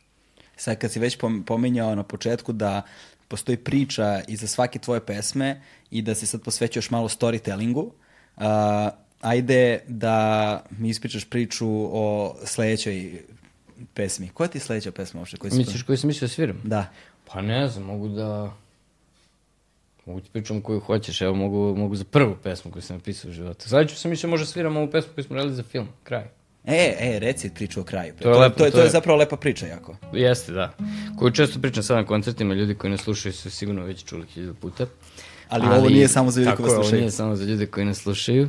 I ovaj, u svakom slučaju je to pesma ovaj, koju sam napravio za film svoje sestre, imam sestru bliznakinju, Mariju, ovaj, koja je uh, snimila film o našoj baki, koja kada je jednom prilikom otišla kod nje, baka je pokazala ta neka pisma koja čuva, koja dobija i dan danas, to je tada je dobijala, ovaj, e, sko, skoro do danas. Svak, svako malo je dobijala po pismo od tog svog prijatelja kao nekog pen pela, znaš, sa kojim se dopisuje. Od e, nekih poslednjih 60 godina, znaš, što traje. Znači, od, e, ono, eto, 1960 kada su se upoznali malo pre toga, ona je imala možda 12, 13, 14 godina, u Hrvatskoj se upoznala sa tim čovekom Bajicom, tako ga zove. E, on je bio malo stariji i zaljubila su njega, to je prva ljubav bila. I e, sad i on se verovatno zaljubio u nju, krenuli su da se dopisuju, međutim nekoliko godina kasnije moja baka ovde u Beogradu do, upoznala mog dedu Ili kako ja mislim, ostalo trudno s mojom tatom, da, s mojom tatom da malo precizniji. I, ovaj, međutim, oni su nastavili da se dopisuju. Prerasla su ta pisma u, iz, tako reći, ljubavnih u neku vrstu prijateljskih pisama, ali e, je najbizarnije to što je to nastavilo do dan danas da se dešava.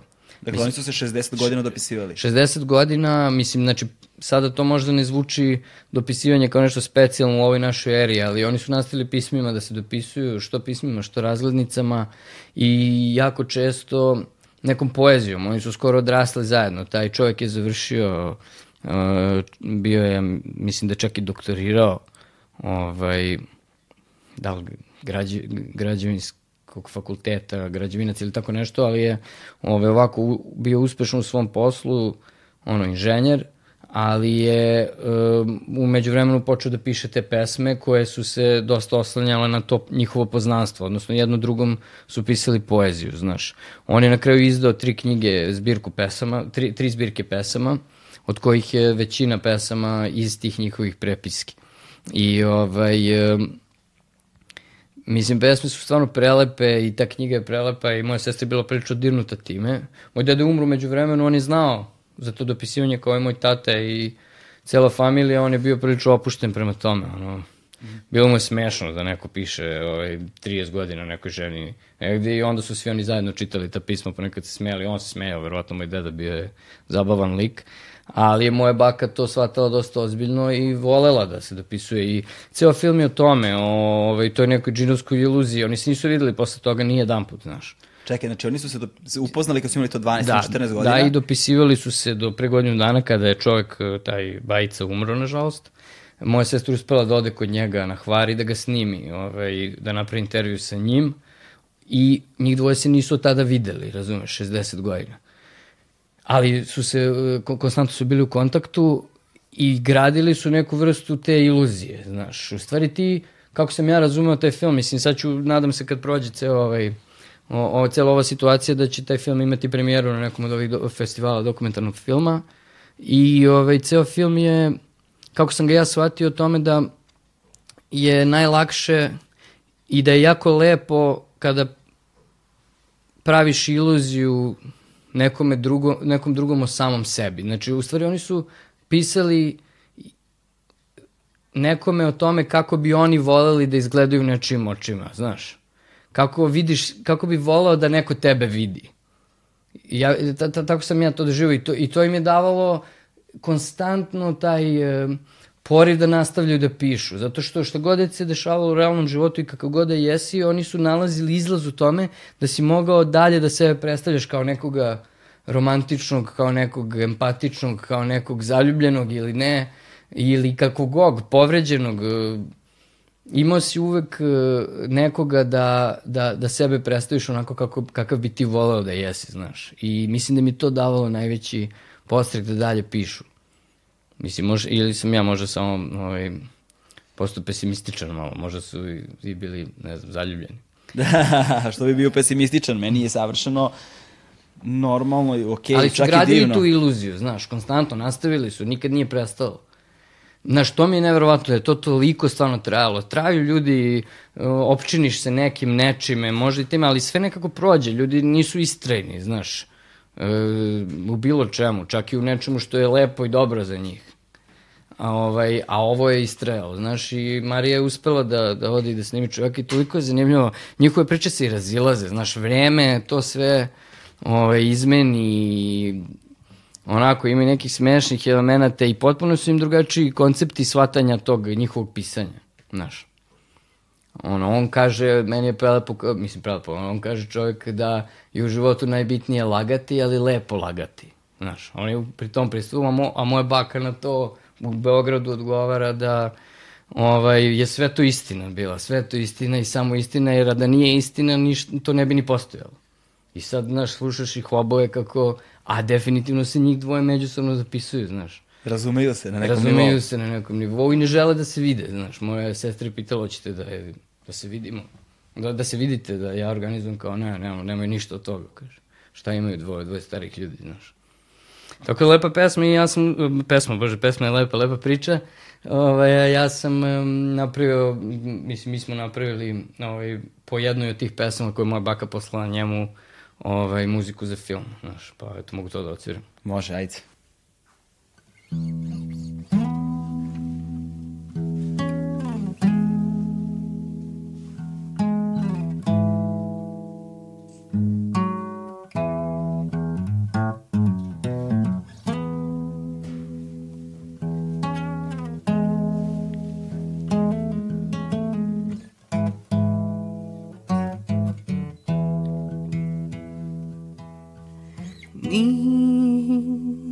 Ništa više ne nemam samo uspomene koje ču, čuvam u srcu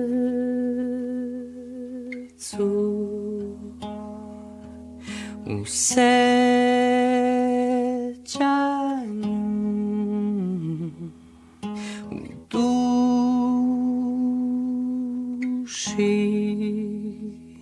mojoj duši nosim muku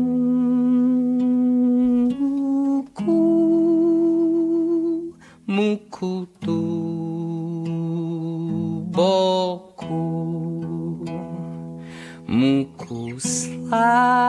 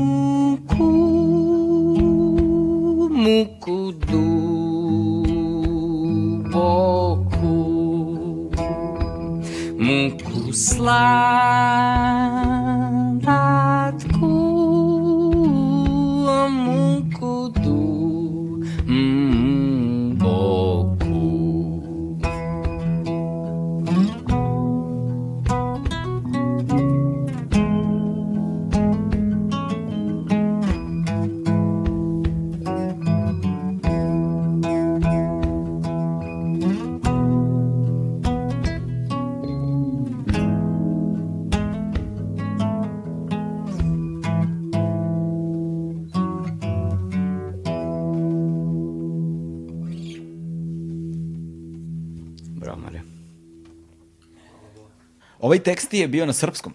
Na srpskom, da, pa to je zašto ga nisam ja napisao. A, Nego, to je tekst koji je moja baka napisala za, za tog čoveka, jedan od tih eh, koji su se, kojima su se oni dopisivali. Da. Wow, čovječe. Da, ali sam, da, ovaj, to, to je jedan, ova pesma i pre toga isto ovaj, sam krenuo sa... Ovo smo stavili na album kao posljednju pesmu, jer se baš nešto dopala, znaš. A pre toga sam ve- već pevao na srpskom ovaj, za ovaj film Nebeska tema Vladi Divljanu. To smo radili, ovaj, tu su me zvali da pevam eh, baš tu pesmu naslovnu. Sad je nedavno bio u bioskopima film, pa... Bio i na super TV-u. Bio i na TV-u, da. I dosta ljudi mi se javilo kod toga i to sam, tu sam u stvari, ja mislim, prvi put pevao na srpskom. I odlično je prošlo i pravo da ti kažem, ovaj, i recimo i tu pesmu sam dosta pevao i na koncertima u inostranstvu i, i isto ljudi super reaguju bez obzira što ni ne znaju o čemu se radi i to me često navelo na razmišljanje da možda kao i repetitori što putuju dosta po inostranstvu i pevaju, mislim dobro dosta i našim ljudima, ali dosta i strancima, znaš.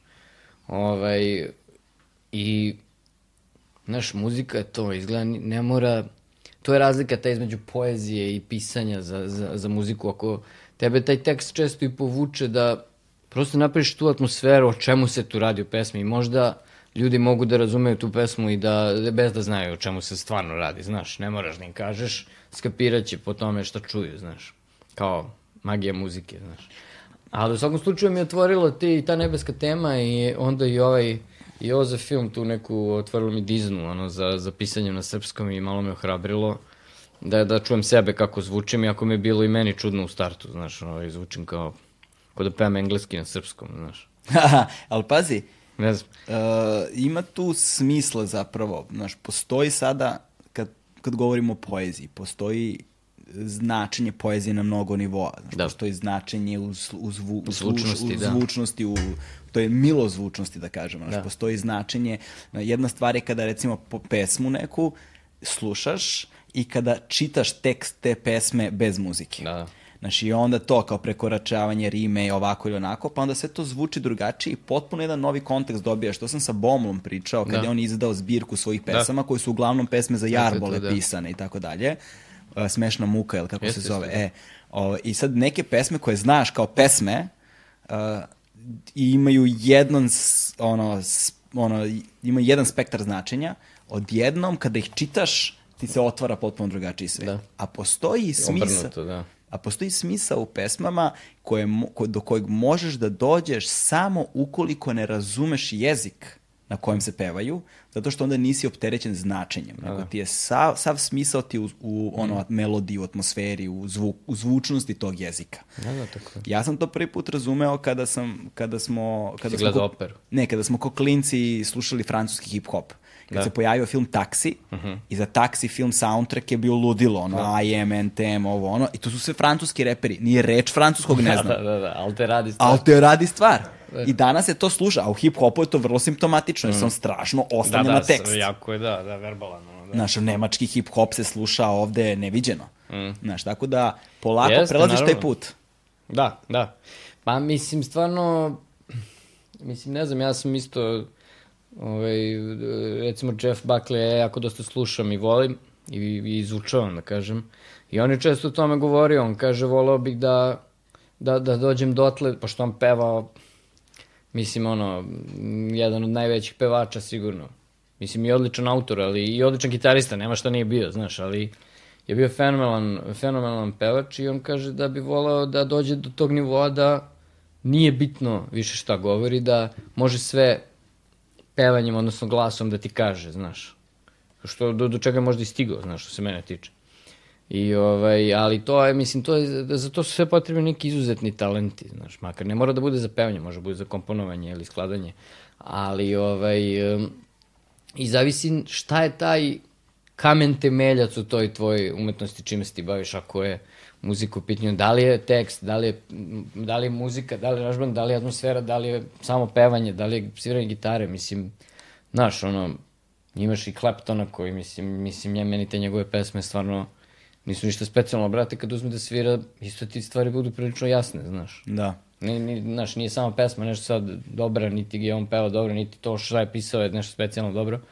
Ali, brate, ume da svira. Sve zajedno, I sve zajedno i ono, ono što je njegov kamen temeljac je to sviranje i razumeš ga i slušaš ga i naj, najbolje je, znaš.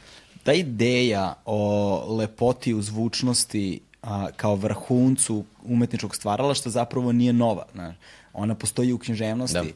Um, Francuzi su recimo bili um, veliki pobornici forme, naš strukture i forme. Da. I onda beletristika kao reč je od francuskog beletre, Da, da. što znači lepo pisanje.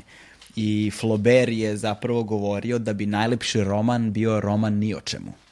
Samo beletre, samo Da, da, lepo da, da. pisanje, znaš. Pa da, mislim, očigledno čim je, čim je i ovaj, ta rima koja, na- koja, koja postoji u poziciji, u, bože, u poziciji u poeziji kao ovaj, isto neka, neki, neki temeljac, kamen, kad je nastala, mislim, i rima se svodi na zvučnost, znaš. Ono, kao slažu se reči, zvuče, ono, prvi, četvrti, prvi, prvi, treći, svejedno kako god hoćeš, zvuče, rimuju se. Šta, šta, je, šta je to rimovanje nego zvučnost tih, tih reči koje se poklapaju? Zvuči dobro, znaš, zvuči, peva se, prolazi, pliva, lepo je. Inače ne bi postojalo, samo bi se pričalo, bilo bi proza. Ovaj, e sada, da se vratimo ponovo malo na te početke, koji su mi dosta zanimljivi. Uh, s obzirom na to si se ti tako naglo pojavio i da je sve nekako bilo prilično spontano deo nekakvog trenutka i da se desio taj nagli skok Da. Na izgled nije otkuda, ali evo kad uđemo u analizu, kad shvatimo da je zapravo tržišno postojao prostor ljudi koji su već bili formirani kao publika, ali nisu imali domaćeg izvođača koji bi Da. i dodirnuo tamo gde je nji- njima potrebno, pa si ti upravo popunio taj prostor. Ovaj, fascinantna je činjenica da, da si zapravo ti samog sebe muzički dosta kasno otkrio. Pa da, tek kad sam ovaj, tu moju neslavnu tenisku karijeru završio, ovaj, tad sam krenuo da se bavim muzikom. Ajde sad ovako, Može. a, ajde da pričamo o teniskoj karijeri. Da je nazovemo karijeru. da nazovemo karijerom. Ti si zapravo, pre nego što si bio muzičar, bio teniser. Da, da, igrao sam tenis od, Od svoje šeste, sedme godine, ne mogu se setim više, mislim sedme. Što je onako malo i kasno za počinjenje ako će se baviš profesionalno time. Što je bila moja aspiracija, ali ovaj... E, e, sam brzo ja tu stigao, bavio sam se profesionalno, što ne, de- de- de- 12-13 godina igranja. Ti, ne samo da se bavio, nego sam se poistovećivao sa tim da sam ja teniser i da želim to da budem i živeo sam to čime sam se bavio, to je igranje tenisa, išao sam u školu, obožavao sam da idem u školu, ali sam išao ono, pro forme u školu u moje glavi. Bio sam ok učenik, ali sam volao da idem, da se družim i to sve, ali to sve radim zato što ću ovaj, jednog dana se bavim tenisom, ovo, ovo sve ostalo mi je, nije toliko bitno, znaš. I kao, da se profesionalno bavim tenisom. I igrao sam te turnire i šta već ne. I ono, bio sam prosječan, aj tako kažem. Bio sam okej, ali ostao sam nizak, nauku neke povrede, nisam imao dovoljno novca, sve ti to i nisam bio dovoljno dobar, razumeš. To je surov prilično sport, ovaj, jako malo ljudi u, u odnosu na drugi, individualni sport, mislim, ok, sve možda atletike, ono, sve ostalo, ovi grupni sportovi, tu uspeju stotine hiljada ljudi, znaš, kad se sabereš i oduzmeš u jednoj futbalskoj ligi samo i prvo, drugo i treće, od čega ljudi žive, verovatno igra u Nemačkoj, ja ne znam koliko, 20.000 ljudi sigurno. A u tenisu sve ukupno živi d- 300 ljudi od tog sporta u, u tom profesionalnom smislu da, da igraju taj sport, ne mislim sa treneri i tako dalje. Mislim, 300 ljudi, to je stvarno mnogo malo i u toliko je ovaj ceo uspeh ove naše generacije sumanut. Sad kad kažeš naše generacije, hajde da osvetlimo Da. ljudima malo šta znači to naše generacije. A to je moja ta generacija, ono, Novak Đoković je mlađi od mene godinu dana, Viktor Tricki je moje godište, Tipsarević je stariji od nas, to jest od meni Viktora, e, dve godine, 84. Ti si zapravo igrao sa njima tenis. Sa Tipsarevićem nisam, ali sa Trickim i, i Novatom sam igrao nekoliko puta, da, i sve, sve mečeve ukupno sam izgubio zvanične. A s Trickim sam igrao sigurno pet puta, uvijek je bilo gusto, ali ne dovoljno gusto da pobedim, znaš. A s Noletom sam igrao jedno finale do 12 godina, izgubio sam, ubio me nešto 6-2, 6-1. I sećam se ja svih tih mečeva, to je, to je strašno, mislim, ceo taj profesionalni sport, eh, ja izrastam polako u one koji su apsolutno protiv profesionalnog sporta i samo za amatersko bavljanje sportom, jer Ovaj, što se vidi, ja mislim i sad u ovim nekim situacijama koliko je to sve, ovaj, em, kao ova korona i sve ostalo, koliko je to sve Iluzorna prenaduvano, iz, iluzorno i, i isto neki instrument, ono, pa čak i politički, znaš, ovaj, tako da, ali u tom trenutku to je sve što sam imao i, i za to sam živeo i eto, igrao sam u toj jako dobroj generaciji i čega nismo mi uopšte bili svesni kao klinci zato što nije postojao tenis u Srbiji, mislim, imao si Bobu Živanovića 20 godina pre nego što smo mi igrali, 10, 15, a i on, ok, bio je top igrača, ono, top 15, top 20 igrača, ali nije nikad napravio neki, kao u ostalim sportovima što smo pravili rezultati. Imao si Moniku Selaš, koja je u krajnjem slučaju postala na kraju Amerikanka, i možda još Jelenu Dokić kasnije, ali nismo mi teniska nacija, niti iko mislio da ćemo ikada imati broj jedan na svetu. Mislim, to je stvarno bilo nemoguće. Evo da me... Niko ti to ne bi rekao pre 20 godina, nazvali bi te budalom, sigurno. Da kažeš, da, Srbija će da ima najboljeg igrača možda svih vremena, ti bi rekao, nema šanse. Da, ja sećam se kada sam radio intervju sa Novakom Đokovićem pre nekoliko go, pre dve godine, ne više nemam Da. ni pojma. U stvari ne, nije godinu dana, znam, ć- ćerkica mi se rodila tad otprilike, pa i malo Da. više od godinu dana ima. Ovaj, um, a, odneo sam mu tvoju ploču, Da. e, odneo sam mu album Stray Doga i on se setio svega, setio se i tebe i mečeva i ono, seti kaže, Ja, a, verovatno, meni to bilo uvek, uvek pitanje da li, da li se on seća tih stvari, pošto mi, mislim, ja sam stvarno bio prosječan igrač. Bavio sam se dugo time, ali nikad nisam ni bio u top 5 igrača u Srbiji, znaš. Ali... ne samo što se seća, nego sam mu pokazao fotografiju vaše ekipe Da, kad cele, ste bili, celog cele, nekog turnira, da. celog nekog turnira kad ste bili klinci i on je išao od glave do glave Ne, imenom i prezimenom ponovio sve ljude. Znači on se seća imena i prezimena Da, da. svih ljudi sa kojima je trenirao. Neverovatno, mislim, meni to baš... Ja sam onda razmišljao, čekaj, ja se sećam isto još nekih mnogo gorih od sebe, znaš, to mi je bilo polazište. znaš, čekaj, kao, kad sam to razmišljao, kao, pa čekaj, sećam se ja onih nekih pacera potpunih, znam i kako se zovu, znaš. Da ih ne pominjem sad, ono, da, da, ne da, bude da. sramota. To su te godine, Tako da, znaš, da. ono, ja i dalje recimo, znaš, ne mogu da upamtim neke veoma važne stvari u svom Da, da. životu, ali se sećam broja fiksnog telefona ortaka s, s 12 godina, Da, znaš. da, da, da, to si zapamtio. To sam zapamtio. A ne znam, znaš šta, taj period je toliko stresan bio, mislim, za mene i to je toliko neka velika stvar. e, Mislim, izgradiš se definitivno, taj profesionalni sport utiče na tebe kao ličnost, ono, Isto tako, kad sam prestao da igram, to me ono, skrhkalo. Ja, ja mislim da ja i dan danas ps- psihološki ono, ispaštam zbog tih nekih uh, stvari koje, mi se des, koje su mi se desile nakon što sam prestao da igram. Što je bilo sa nekih 20 godina, znači nisam bio baš dete, znaš. Ali mi je to jako teško palo. Tad sam krenuo i da sviram, kao verovatno tražeći neku zanimaciju koja, kojom bi mogao popuni vreme, pošto sam trenirao 4 do 6 sati dnevno. Krenuo sam na fakultet, ali mi to nije bilo preterano inspirativno ne. za provođenje vremena, pa sam tražio nešto drugo i onda sam našao gitaru, pozajmio gitaru, kao zamisli kreneš 20 godina da sviraš. Mislim, prvi band koji sam napravio mi je Stray Dog Band sa 25 godina. 25 godina, mislim, ljudi završi fakultet krenu da rade u to vreme. Bob Geldof Da, je počeo svira gitaru s 27. e, pa to je to. Znaš. Ne, joj, to je bilo...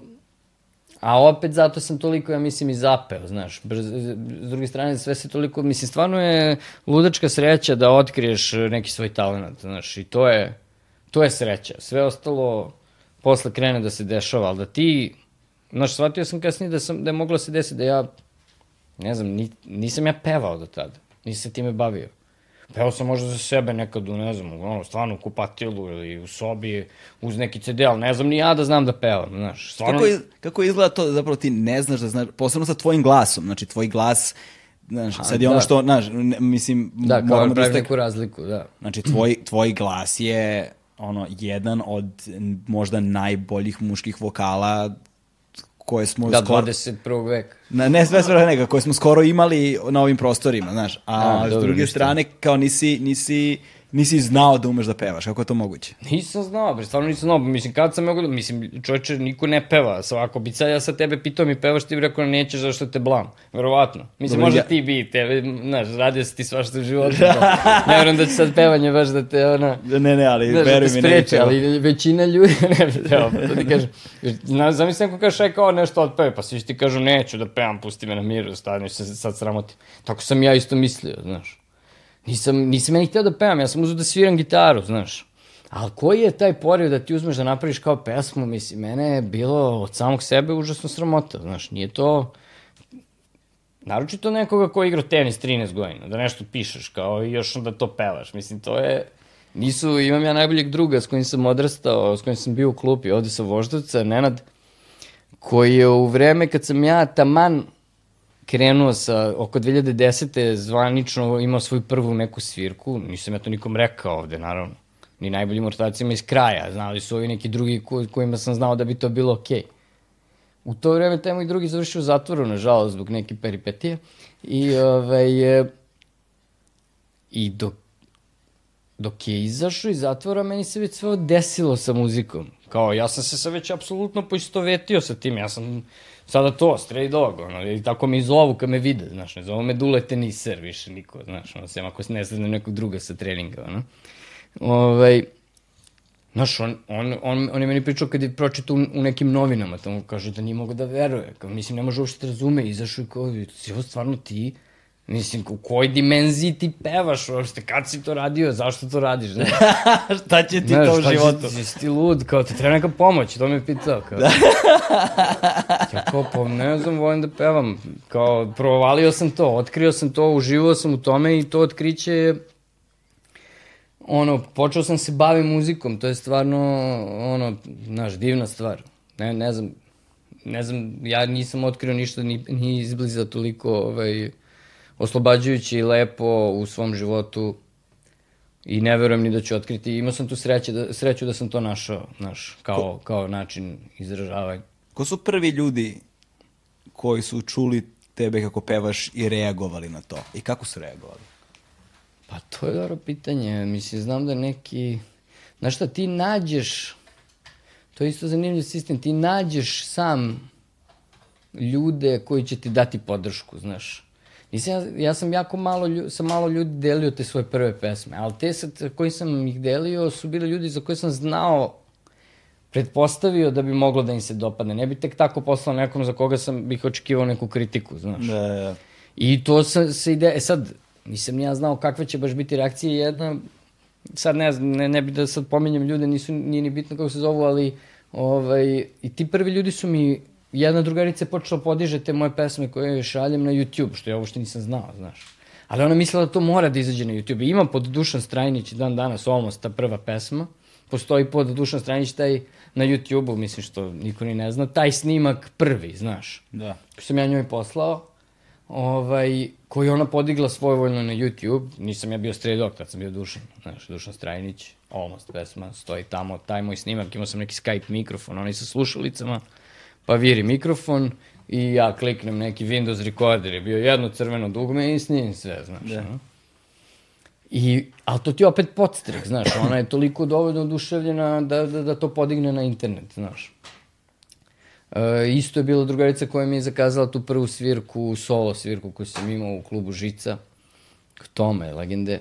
O, između neka dva bluzera su me stavili, imao sam svoj set od šest minuta, ono, znaš. I ona isto rekla, ti moraš ovo da odsviraš, moraš, evo ja puštam muziku posle, ovaj, ja, ja ću ti ovo srediti, dođi da odsviraš, sedi na binu, vidi kako je, znaš. I jedan od prvih je Stefan Unković, koji je bio moj prvi gitarista, koji je imenovo naš band, Stray Dog, nešto oko mog prezimena Strajnić i ovaj, eto, to su tako neki prvi ljudi sa kojima ti u stvari to podeliš, ali je to je isto ono mučno iskustvo. Kad, si, kad imaš neki već, ovako, ono, kad nisi baš klinac, na 16, 17, 18 godina, kada dovoljno ne znaš da možeš e, sa lakoćem da izađeš sa bilo kakvim otkrićem tog, tog tipa, da kao pevaš ili sviraš, znaš. Kao pa nema veze. A koliko je sad teško bilo ono prebroditi te stvari, znaš, ono, izboriti se vrlo verovatno sa sobstvenim nesigurnostima u tom Da. trenutku.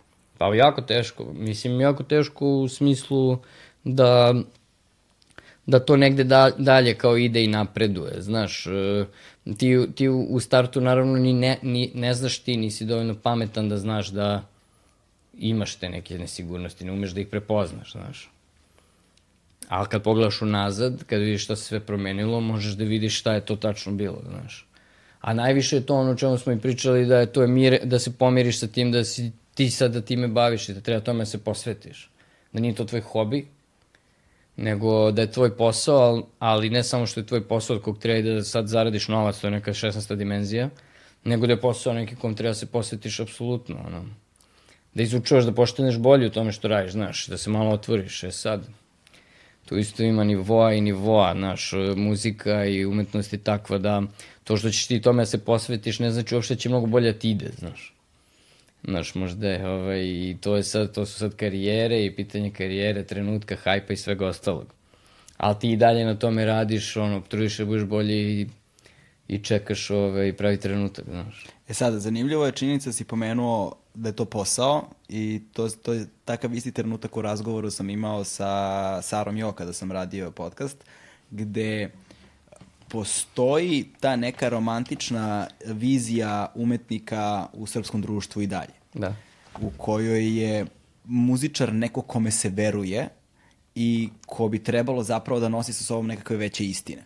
Naravno, takvih ima vrlo redko, ali velika većina u suštini i ono od čega na kraju muzička industrija kao industrija zavisi, jeste poslovni model, tržišni model muzike. Prosto da bi ti se bavio muzikom i živeo te muzike, nekakav novac tu mora da postoji koji nekako mora da dođe do tvojih ruku, da ti ne bi radio od 9 do 5 neki posao, da ti muzika bude plan B ti muzika bude plan C, da ti muzika bude plan D, dok završim Da. s porodicom, dok završim s prijateljima, dok idem letovanje, zimovanje, završim s fakultetom, završim sa dugovima, završim sa poslom, završim s onim, s onim, e pa šta mi ostane od slobodnog vremena, e tad, ako uspem da se uskladim i budem dovoljno dobro raspoložen, bavim se muzikom. To je onda hobi. Ali posvetiti i žrtvovati profesionalno vreme, koje bi trebalo da bude potrošeno negde drugde za pravljanje karijere ili novca, mm. da bi pravio muziku i da bi od muzike na kraju mogao da ubereš neki dinar, je ono gde zapravo muzika ulazi u sferu posla. Da. I gde ljudi ne razumeju da pisanje dobre pesme nije dovoljno. Znaš, kao, da. dobra pesma je možda 15-20% posla. Mislim, znaš šta, možda će biti, ja, ja nekako sam u, i dalje u verovanja da će nekada ta dobra pesma na kraju stići na naplatu. Čak i da ništa ne radiš. Ali to kad i nekada, ja, ja to možda bude i kad umreš, znaš, kao što se desilo Nick Drake-u ili koji ono polu nisu postojali i tako su mučili muku ili ima gomila takvih primjera na kraju ipak je isplivaju te dobre pesme jer, jer koliko god da se sad pove, povećala i ta hiperprodukcija i sve i svi sviraju i svi se snimaju i svi izdaju ne, mislim toliko je zanimljivo saznanje da se količina talenta nije povećala zato što više ljudi izbacuje pesme. I dalje je jako ograničen broj ljudi koji prave nešto dobro. Skoro isti broj kao što je bio i pre 60 godina, po mo, bar po mom mišljenju. Nije, nije, nije se sad pojavila gomila dobrih pesama. I dalje ih je isti broj kao što ih je i nekad bilo. Zato što je I, i, I zato i verujem da neko ko, ko, ko, radi jako dobro svoj posao ili je talentovan i pravi dobru pesmu, e, na kraju će da se desi. Na kraju će da nekada će doći do... Prosto kad krene dobra pesma ima toliko jak i, i redka je, što kažeš, redko se dešava, ima jak utica i ona krene da gradi sama svoju stvar.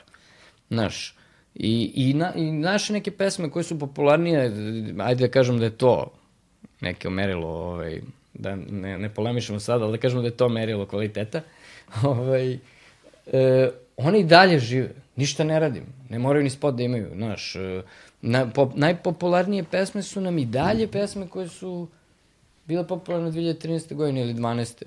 U ovim našim okvirima, što da. smo pričali, ne znam koliko ljudi, ne mislim, sad nije to, pa, ono, ali popularne su, po, po ovim statistikama, i dalje se slušaju te pesme, nisu to više iste generacije, promenili su se ljudi, isto po tim statistikama.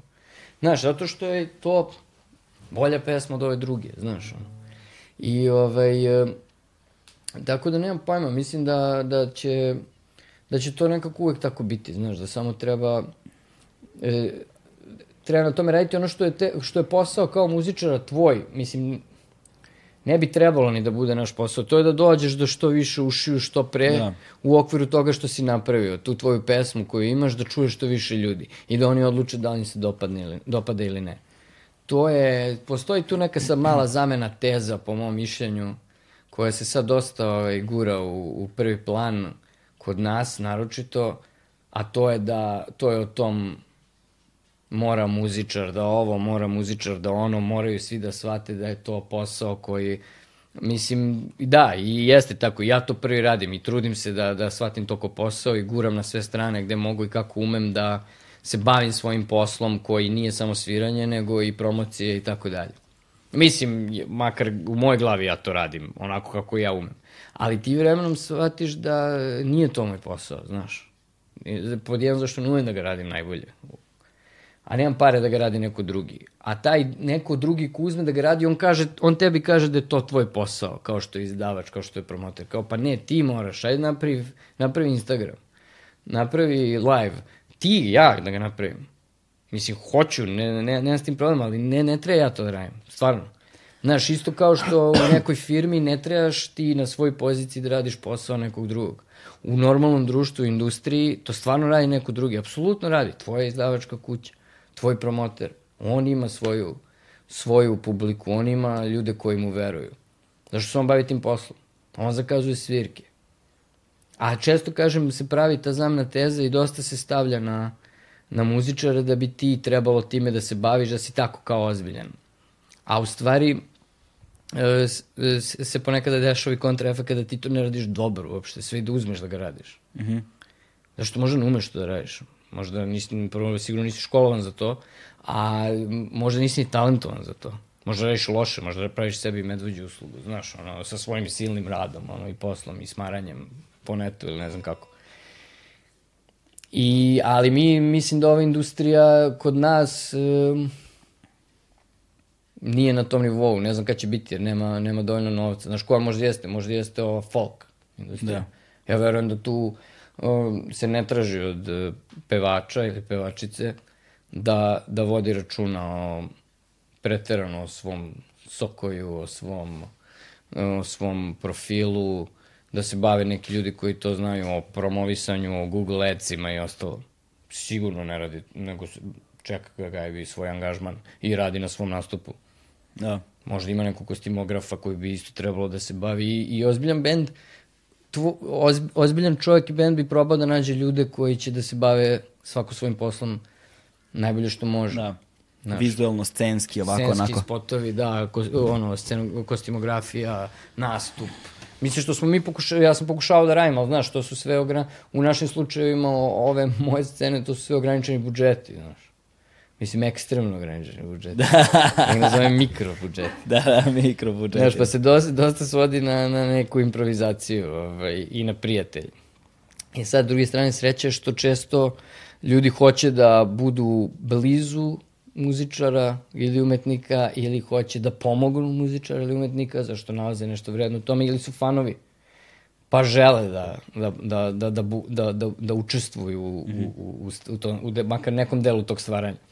I tu mi, mi nalazimo ovaj, tu, tu, taj glavni podstrek. Znaš, ima dosta entuzijasta.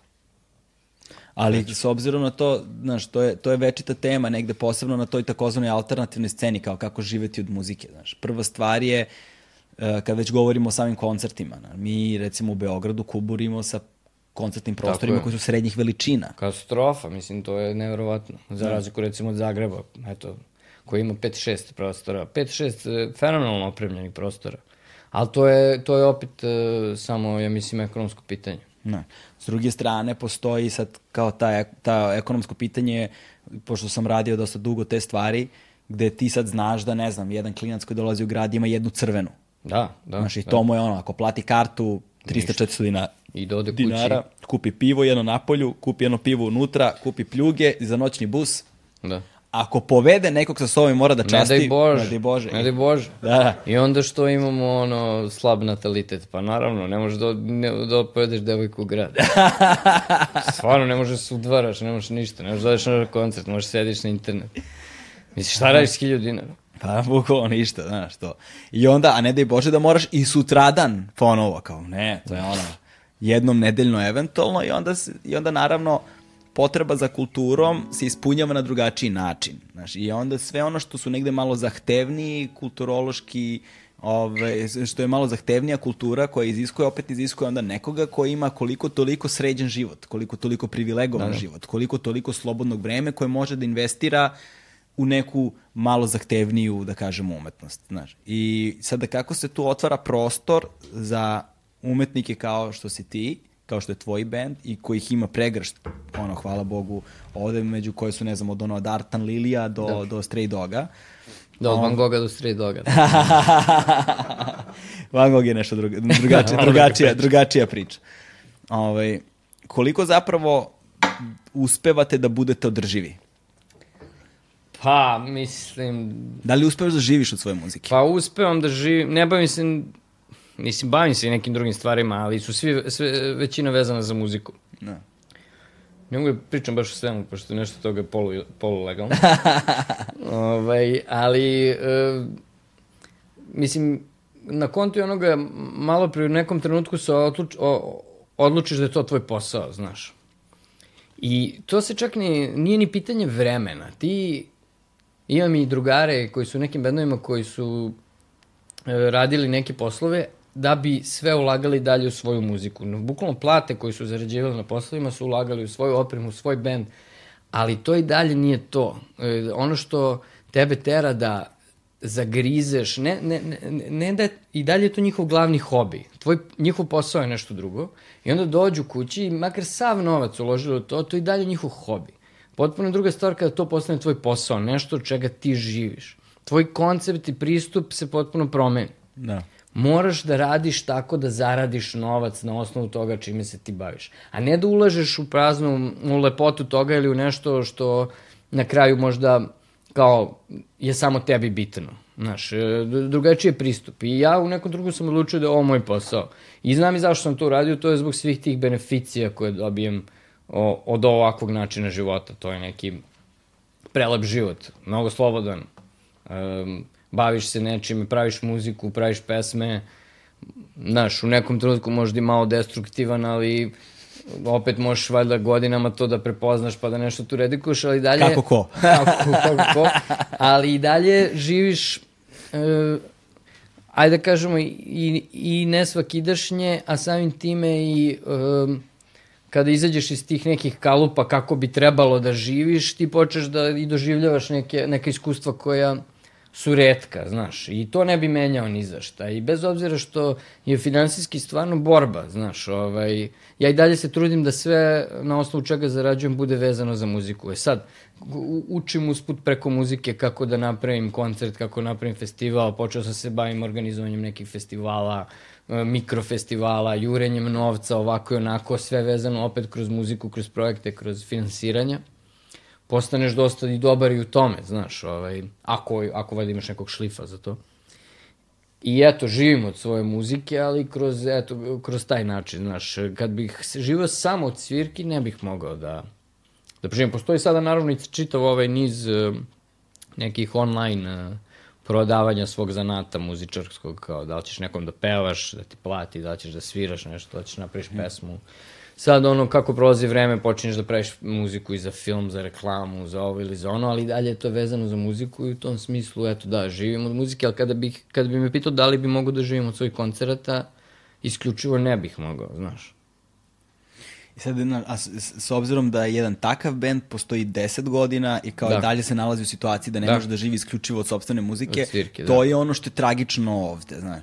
E, ali s druge strane, isto tako, ta borba sa probijanjem na međunarodnom tržištu je sad jedan ceo novi, Da, mnogo je, tež. Da, to je... Mislim, ja sam se u to upustio i, eto, kažem, izuzev još par bendova sada, koji to rade, koji ono, mogu na, stvarno na prste jedne ruke da se izbroje. Ovaj, mogu kažem da smo u nekom smislu i pioniri svega toga. Ja sam pitao ljude koje u ovom našem muzičkom biznisu i organizatore koncerata i izdavače, kad sam kretao sve to kako da idem svirku na polju, kako da napravim turneju u inostranstvu, pevam na engleskom, ajde da, ono, došlo je vreme da probamo i to da naplatimo, što da ne. ono, pravimo muziku, ali sad se bavimo ovim poslom, ajde da idemo i u tom smeru, idemo da probamo, nađemo što više publike. I oni mi kažu, ne znam, tako su mi rekli, ne znam, stvarno ne znam, nikad nisam to uradio. Kao profesionalci, mislim da kažemo muzički, ne, kao ne, nisam to uradio, ne bavim se time, samo su dovodili ljudi ovde, ali ne znam kako se to radi napolju, ne znam ko će te uzme. I onda sam ja krenuo sam da gulim i da sviramo te razne showcase-ove, to su ti festivali gde ti dolaziš i sviraš po pola sata u inostranstvu za festivali koji su okrenuti muzičkom biznisu. Odnosno ljudima iz samog posla, agentima, bukirima i tako dalje. I naravno ima i publike, ali to je ključ, kao da su predavanje sa... Kao što on je ment u Sloveniji. Kao tako ment u. Sloveniji, kao, kao Eurosonic u Groningenu, koji je najveći ovaj, tog tipa u Evropi, i to što smo isto svirali, kao što je ovaj, Bush u, u, u Budimpešti, Pinu, u, u, u Makedoniji, ne znam, šta, ma ima i gomela. I preko njih smo upoznali ljude, bukere koji su krenuli da nam bukiraju svirke u Italiji, ovaj, smo imali 3-4 turneje, ovaj, to, Nemačka dve, tri turneje, Poljska dve turneje, Francuska nekoliko festivala, svirali smo neke veće festivale, od Kelna do tog Clermont Ferrana, do, ba ne znam, Groningena, Amsterdama i tako dalje. Ali, iskreno sada, posle jedno pet godina sviranja u inostranstvu, odnosno u Evropi, nismo išli van Evrope, ovaj, mislim, ja sam stvarno na neki način razočaran u, u, u sve to što sam tamo video, a uopšte nisam odgajan u tom smeru, čak nasuprot onog, da, ajde kažemo, proevropski. Ono što sam tamo sačekao me je baš onako demotivisalo gde je to društvo otišlo, znaš, mislim, ne novac na stranu, zaradi se novac. Mi, na, znači, ne sviramo nekim našim ljudima, dođu i naši ljudi na koncerte, ali to je okrenuto ka, kao, bar sam ja tako hteo da uvek bude okrenuto ka strancima, ono, da ne idem da. kroz promociju kod naših gastarbajtera, znaš, mislim, koja je ta muzika, vjerojatno i ne interesuje.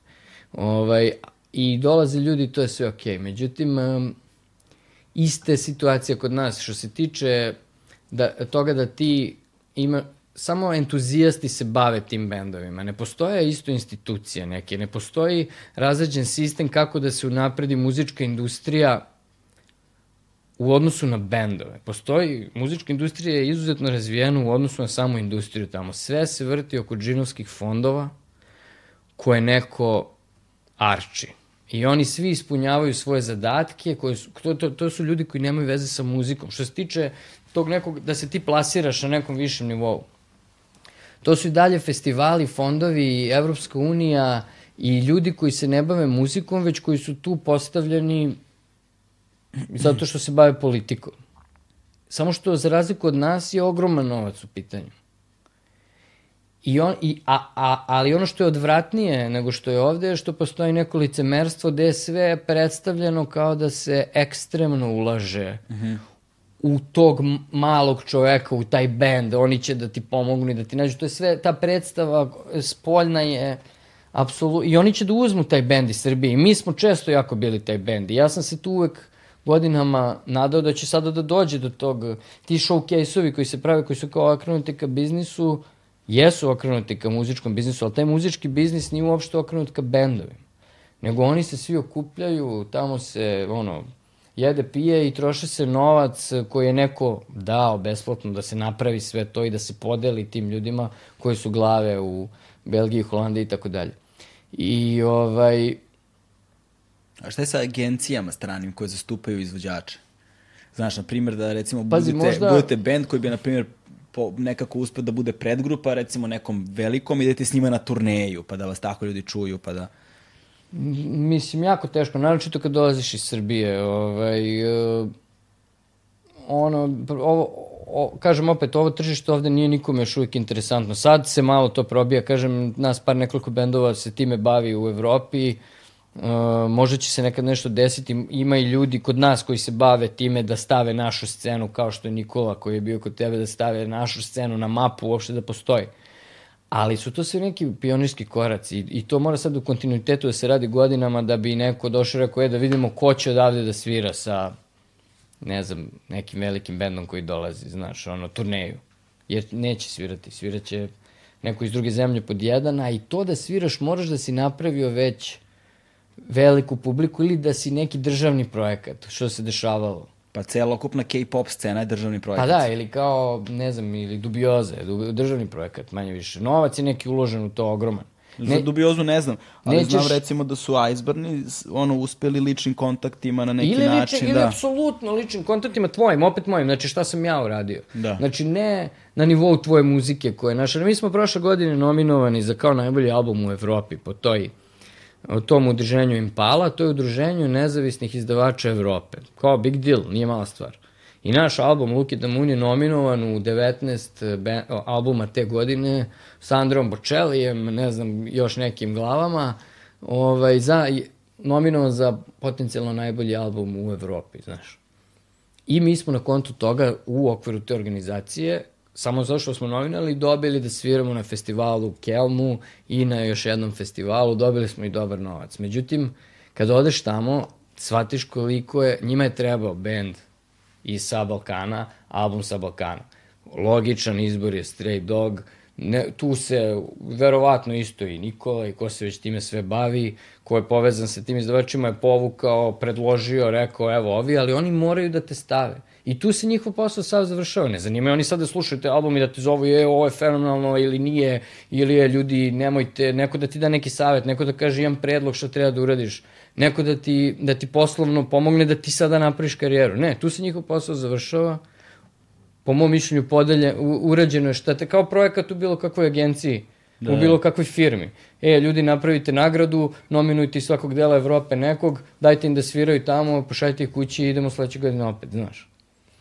I to je ono što, što, što mene, ovaj, što me iznenadilo u krajnjem slučaju. Ovaj, mm. Čak ovde kod nas, um, makar je, se manji novac vrti, pa u tom smislu ovaj, i postoji više ljudi možda čak koji se ono, iz entuzijazma makar bave, bave muzikom i, i ono, dobro, dobronamerni su Ne, sad kad smo se, kad ti i ja smo se jednom prilikom sreli na nekoj tribini koji sam organizovao u Domu omladine Da. neke 2013. više ni na pojma da. kada je bilo. je Nešto je to bilo o to muzičkoj industriji i tada ste samo ti i Ilija Duni iz tadašnje grupe Da, ti došli, da. ovaj, ne došli, nego ste zastupali uh, stav da ono, sviraćete bilo gde i gostovaćete bilo gde ukoliko vas ne, ne teraju da radite nešto drugo. Znači, želite da se da vašu muziku čuje što više ljudi. Da. Ilija Duni, sećam se da je izgovorio sledeću rečenicu, brate, sviraću u Gucci, ono, ako treba, Da, da, da. sve dok me ne teraju da sviram nešto što nije moja Tako je, muzika. Da. Ja što- se toga i držao isto, da, mislim... Ali ste nalazili na otpor. Pa mislim uvek imaš to, da, postoji uvek neka vrsta kritike, ali Ilija je isto svirao od Čarenice do Da. ono, Pinka, ja sam isto svirao na Pinku u jutarnjem programu, svirao sam gde god sam mogao, kad god sam izdao album, idem da sviram svoje pesme i to je ono što me interesuje da bih, eto, zato što sam shvatio da moram ja to da radim. To, to smo, mislim, ja ili Da. ono, neko ko je opet entuzijasta dovoljno da mi pomogne, ali uh, to isto bendovi nisu toliko sad nešto radili i to što kažeš, ne ilazilo se na neke kritike, ali ja sam i dalje tog stava da mora da se svira i mislim i ja i moj bend putujemo, kažeš ti te evropske turneje, mi mnogo više novca zaradimo ovde u regionu i u Srbiji, naravno zašto da imamo publiku i sviramo za ljude. Da. Tamo gde te ne, ali mi opet idemo, to spakuje se nas petoro odraslih ljudi, imamo preko 30 godina, Da. u jedan automobil, razumeš, ostali smo bez jednog člana benda da bi mogli da stanemo u auto. Kako...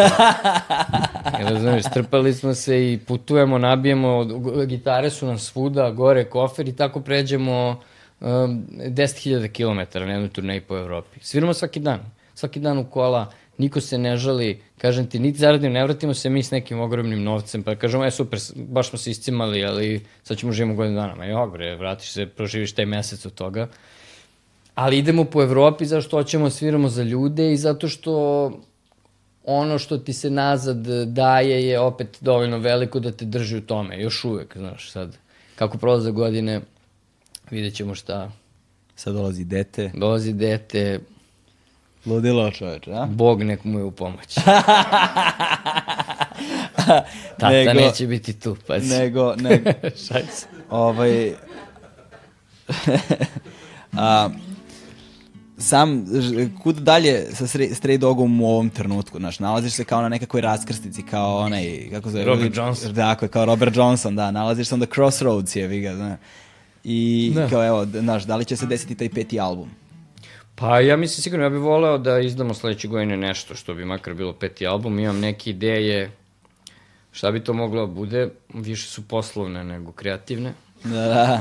Ali, ove, eto, volao bi sledeće godine da, probam, da probamo da izdamo album kad je već 10 godina koja bi bila neka vrsta, bio neki, neka vrsta kompilacije. Možda najbolji pesama su ove četiri. S, ova četiri albuma koje bismo možda i unapredili, snimili opet e, ili premiksali, uradili novi master ili snimili u novim aranžmanima boljima, ne mora u novim, makar boljim. da. Ono, dodali nešto. I da bude tu još novih pesama. I može da bude i neka nova pesma, ali sam hteo u svakom slučaju da probamo da konačno nađemo izdavača u inostranstvu ko, i da naš prvo, naše prvo internacionalno izdanje bude album koji u stvari sastavljen od naših najboljih pesama kojima bi, kojim bi sebi dali šansu u Mhm. inostranstvu zašto je pretpostavka da su sve te pesme onda dobre. Kao, Da, znaš, da, da, da, da. ne, ne idem sa nečim, nešto što je provereno, što je ovde našo publiku, jer i dalje mislim ako si na engleskom jeziku ovde kod nas pronašao publiku, trebalo bi da je nađeš i negde van. Ovo što se dešava, mislim, mi stvarno po ovim statistikama, mi smo, ne znam, posle Cece i Bajage treći najslušaniji srpski band na Spotify, razumeš? Zato što nas slušaju u inostranstvu gomila ljudi i to ne ovi na, na, naši ljudi, nego od ono, imamo fan grupu u Argentini, imamo neki ono, e, koreanski following, razumeš, neki ljudi, koreanci koji mi pišu, imamo u Turskoj, svaki treći komentar je turski, na turskom jeziku, ne znam ni kako se to dešava i to se, nigde tu nismo bili još uvek. I volao bi da imam jedno izdanje koje bi izdao neki, neki strani izdavač. I sad to je tek, e, mislim, i ti isto znaš, i kroz priču i sa Iceburnom i sve, to isto, to je jedino na ličnim kontaktima koje sam stekao kroz ova Putovanje. putovanja koje bi neko nazvao besmislenim, ali ja znam da nisu i nadam se da će se isplatiti kroz, kroz recimo to što, što imam sada u, u ovaj, mislima šta bi trebalo da uradimo za sledeću godinu. Vrlo je zanimljivo sa tvim poslednjim albumom Look at the Moon, ovaj, je li tako se da beš poslednji? Look at Da, Look at the da. Moon, da. Ovaj, poslednjim albumom. To je dobar album.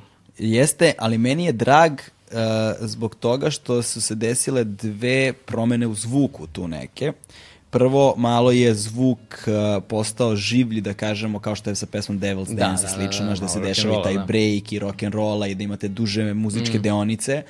Ovaj, a s druge strane primetio sam, da li baš u at the Moon, gde da ima elektronske muzike. Da, da, ima malo, da. Da si, da, znaš, što ni, čega nije bilo na prethodna tri albuma. Nije, da, to su sad te neke novotarije koje... I jedna je d- pesma na srpskom jeziku, između, Tako je, da. između ostalog. Što je sad već dovoljno inovacije da ono što kažu na engleskom uh, reinvent yourself, znaš, kao, znači ponovo si uspeo da osvežiš sopstveni identitet i sopstveni zvuk, a da opet ostaneš dosledan sebi. Da. Ovaj, što, je, što, je, što, je, do- što je dosta zanimljivo i pita, postavlja se pitanje, znaš, kao kuda sad od te tačke? Pa odlično pitanje, da, to treba da otkrijemo. Mislim, ja sad smo u, u, ovaj, u ovoj situaciji da se ni ne viđam sa bendom, mislim, jako teško. Um, pravim neke pesme, pravim dosta pesama na srpskom, hoću napraviti neki novi projekat, to me i sa sve ovim poslednjom pesmom na albumu i ovih prethodnima ovaj, pokrenulo. I svojim pričanjem priča. Da, i tu, tu ideju i super mi ide, baš sam nešto zadovoljan i srećan i, i potpuno kao da prolazim novi, nije ni novi, iznova ceo taj proces um, predavanja, opuštanja, pisanja, e, izučavanja, znaš, e, sve ono što sam prolazio u početku sad, mislim, samo što sada to prepoznajem, pa se nadam da će da ide malo bolje. Ali opet sam upućen na svoj bend. Ja, moja prva prvobitna ideja da, da napravim, bi, bilo da napravim s nekim drugim ljudima bend, da bi mogao da napravim malo drugačiji zvuk, da ne napravim, Stray Dog na srpskom. Međutim, ovaj, ne mogu uopšte da se o, otkinem od ovih ljudi sa kojima sarađujem. Nekako jednom u njih imam poverenje i sa njima nastavljam da radim, znaš. Da, da. Tako da ne znam koliko će to biti drugačije, ali ne veze, borimo se da napravimo malo, barem drugačije da to zvuči. Ali pazi, deli, vel, dalek put si prevalio naš, od onog tamo nesigurnog dečkića je ga koji je pio Da. hladnu Coca-Colu Da, posle da, čajna vumen, ono. Da, da, da, da, da, da, jeste, da, ogroman, da, i nadam se da će to iskustvo da nešto promeni. A što se tiče Stray Doga, evo sad e, nisam o tome ni sa bendom pričao, ali sam zamislio taj peti album kao prvi album na kom bismo, baš na kontu te pesme Devil's Dance, koji bismo mogli da snimimo u potpunosti u, u našem studiju za vežbanje. Da ne dolazim ja sa pesmama prvi put, nego sedimo, sviramo teme i da svi učestvuju da ne bude taj kantautorski, pa sad na dodaj, pa ajde da imamo osnovu, pa ajde sad svi da dodajemo kako smo do sada radili i smišljamo pesmu kad ja dođem s pesmom, nego da sviramo malo više rock'n'rolla u samom studiju, što često radimo, nešto džemujemo, vrtimo neke teme u krug pre nego što krenemo da provamo naše pesme. I volio bi da snimamo jedan takav album, što ne? Kao Miles Davis. Pa recimo, Tako je on dolazio da. s nekim idejama, a onda je imao monstrume ono koji su Da. svirali i onda su oni svirački to dizali na Pa na da, nivo. da probam Jako da- puno slobode su zapravo njegovi članovi benda imali da učestvuju u kre, kreiranju zvuka. Da, ja sam do sada to držao na kratkom povodcu, što je Ovo je manje više sve moj uspeh do sada, ali sad hoću da vidim šta, uč- zašto su sposobni ti momci i devojke. Znači, to je sad je jedna njihova pretnja. to je sad kao da. na šakom o sto. A kao polu prijatnja, polu podstre. Gledam da budem ono pametan. Dobro. Ovaj, stižemo polako do samog kraja ovog razgovora i pre nego što čujemo... Koja će biti posljednja pesma? Mislim možda ta Disappear pesma, ne znam, Disappear je je najveći hit. Može, može. A je li ima priča iza pesme Disappear? Ima, nije, nije nešto pretredno zanimljivo, ali je dobar, dobar ta pesma dobar prim, ta, ta pesma nam je sigurno najveći hit, makar po reakcijama na koncertu, a i po ovim pregledima i tako dalje. I ovaj, to mi je zanimljivo, naravno to je isto neka ljubavna priča. I tu sam bio sa nekom devojkom, nakon što sam izašao iz neke jako duge veze. I to mi je bila prva, mislim, ne znam, ne, ne bi je nazvao devojkom, ajde, ali ne. neko s kim sam provodio vreme. I zanimljivo je kako je ta najbolja, na, najpo, najpopularnija pesma nastala iz nekog odnosa koji nije bio toliko bitan niti krucijalan. Da. Kao bilo mi je mnogo bitnijih, emotivnijih, uh, uh, ono, sr više srceparajućih momenta u mom životu, a ovo je bio jedan odnos koji je bio prolazan apsolutno što sam i tada znao, a i ona je znala.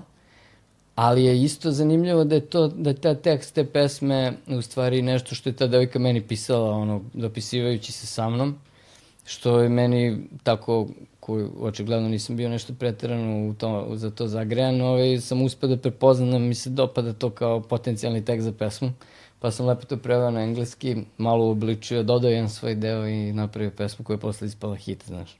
I to me je nekako uvijek malo i nerviralo, znaš. Kako nije neka za koju sam se dao 200%. Ali je tako ispalo, što ne, dobra stvar. Čudno je šta ljudi prepoznaju i čudno je šta trenutak u vremenu i prostoru donese. Da, definitivno je taj trenutak, tako da je... Da, da je Uspeo da, uhva, da, Da uhvaće, uhvatim, da, da. se, da ga uhvatiš i da ga zadržiš. Da, to je sreća, da. I to je ono čemu se ljudi verovatno vraćaju. Tako je. Ovaj, hvala ti puno Hvala na tebi, gostovanju. Sada ćemo čuti pesmu Disappear. A, vi imate Bandcamp, je li tako? Bandcamp Stray Dog, da. Tako je da, stavit ću Bandcamp u opisu videa, a, tako da možete podržite Stray Dog da kupite njihovu muziku. Stavit ću takođe u opisu videa i naše linkove za Patreon i za jednokratne donacije kanalu ovaj, Paypal, tako da ukoliko ste mogućnosti podržite naš kanal, hvala vam puno. A, I za kraj Disappear, ostaje da. pesma Disappear. Ajde. I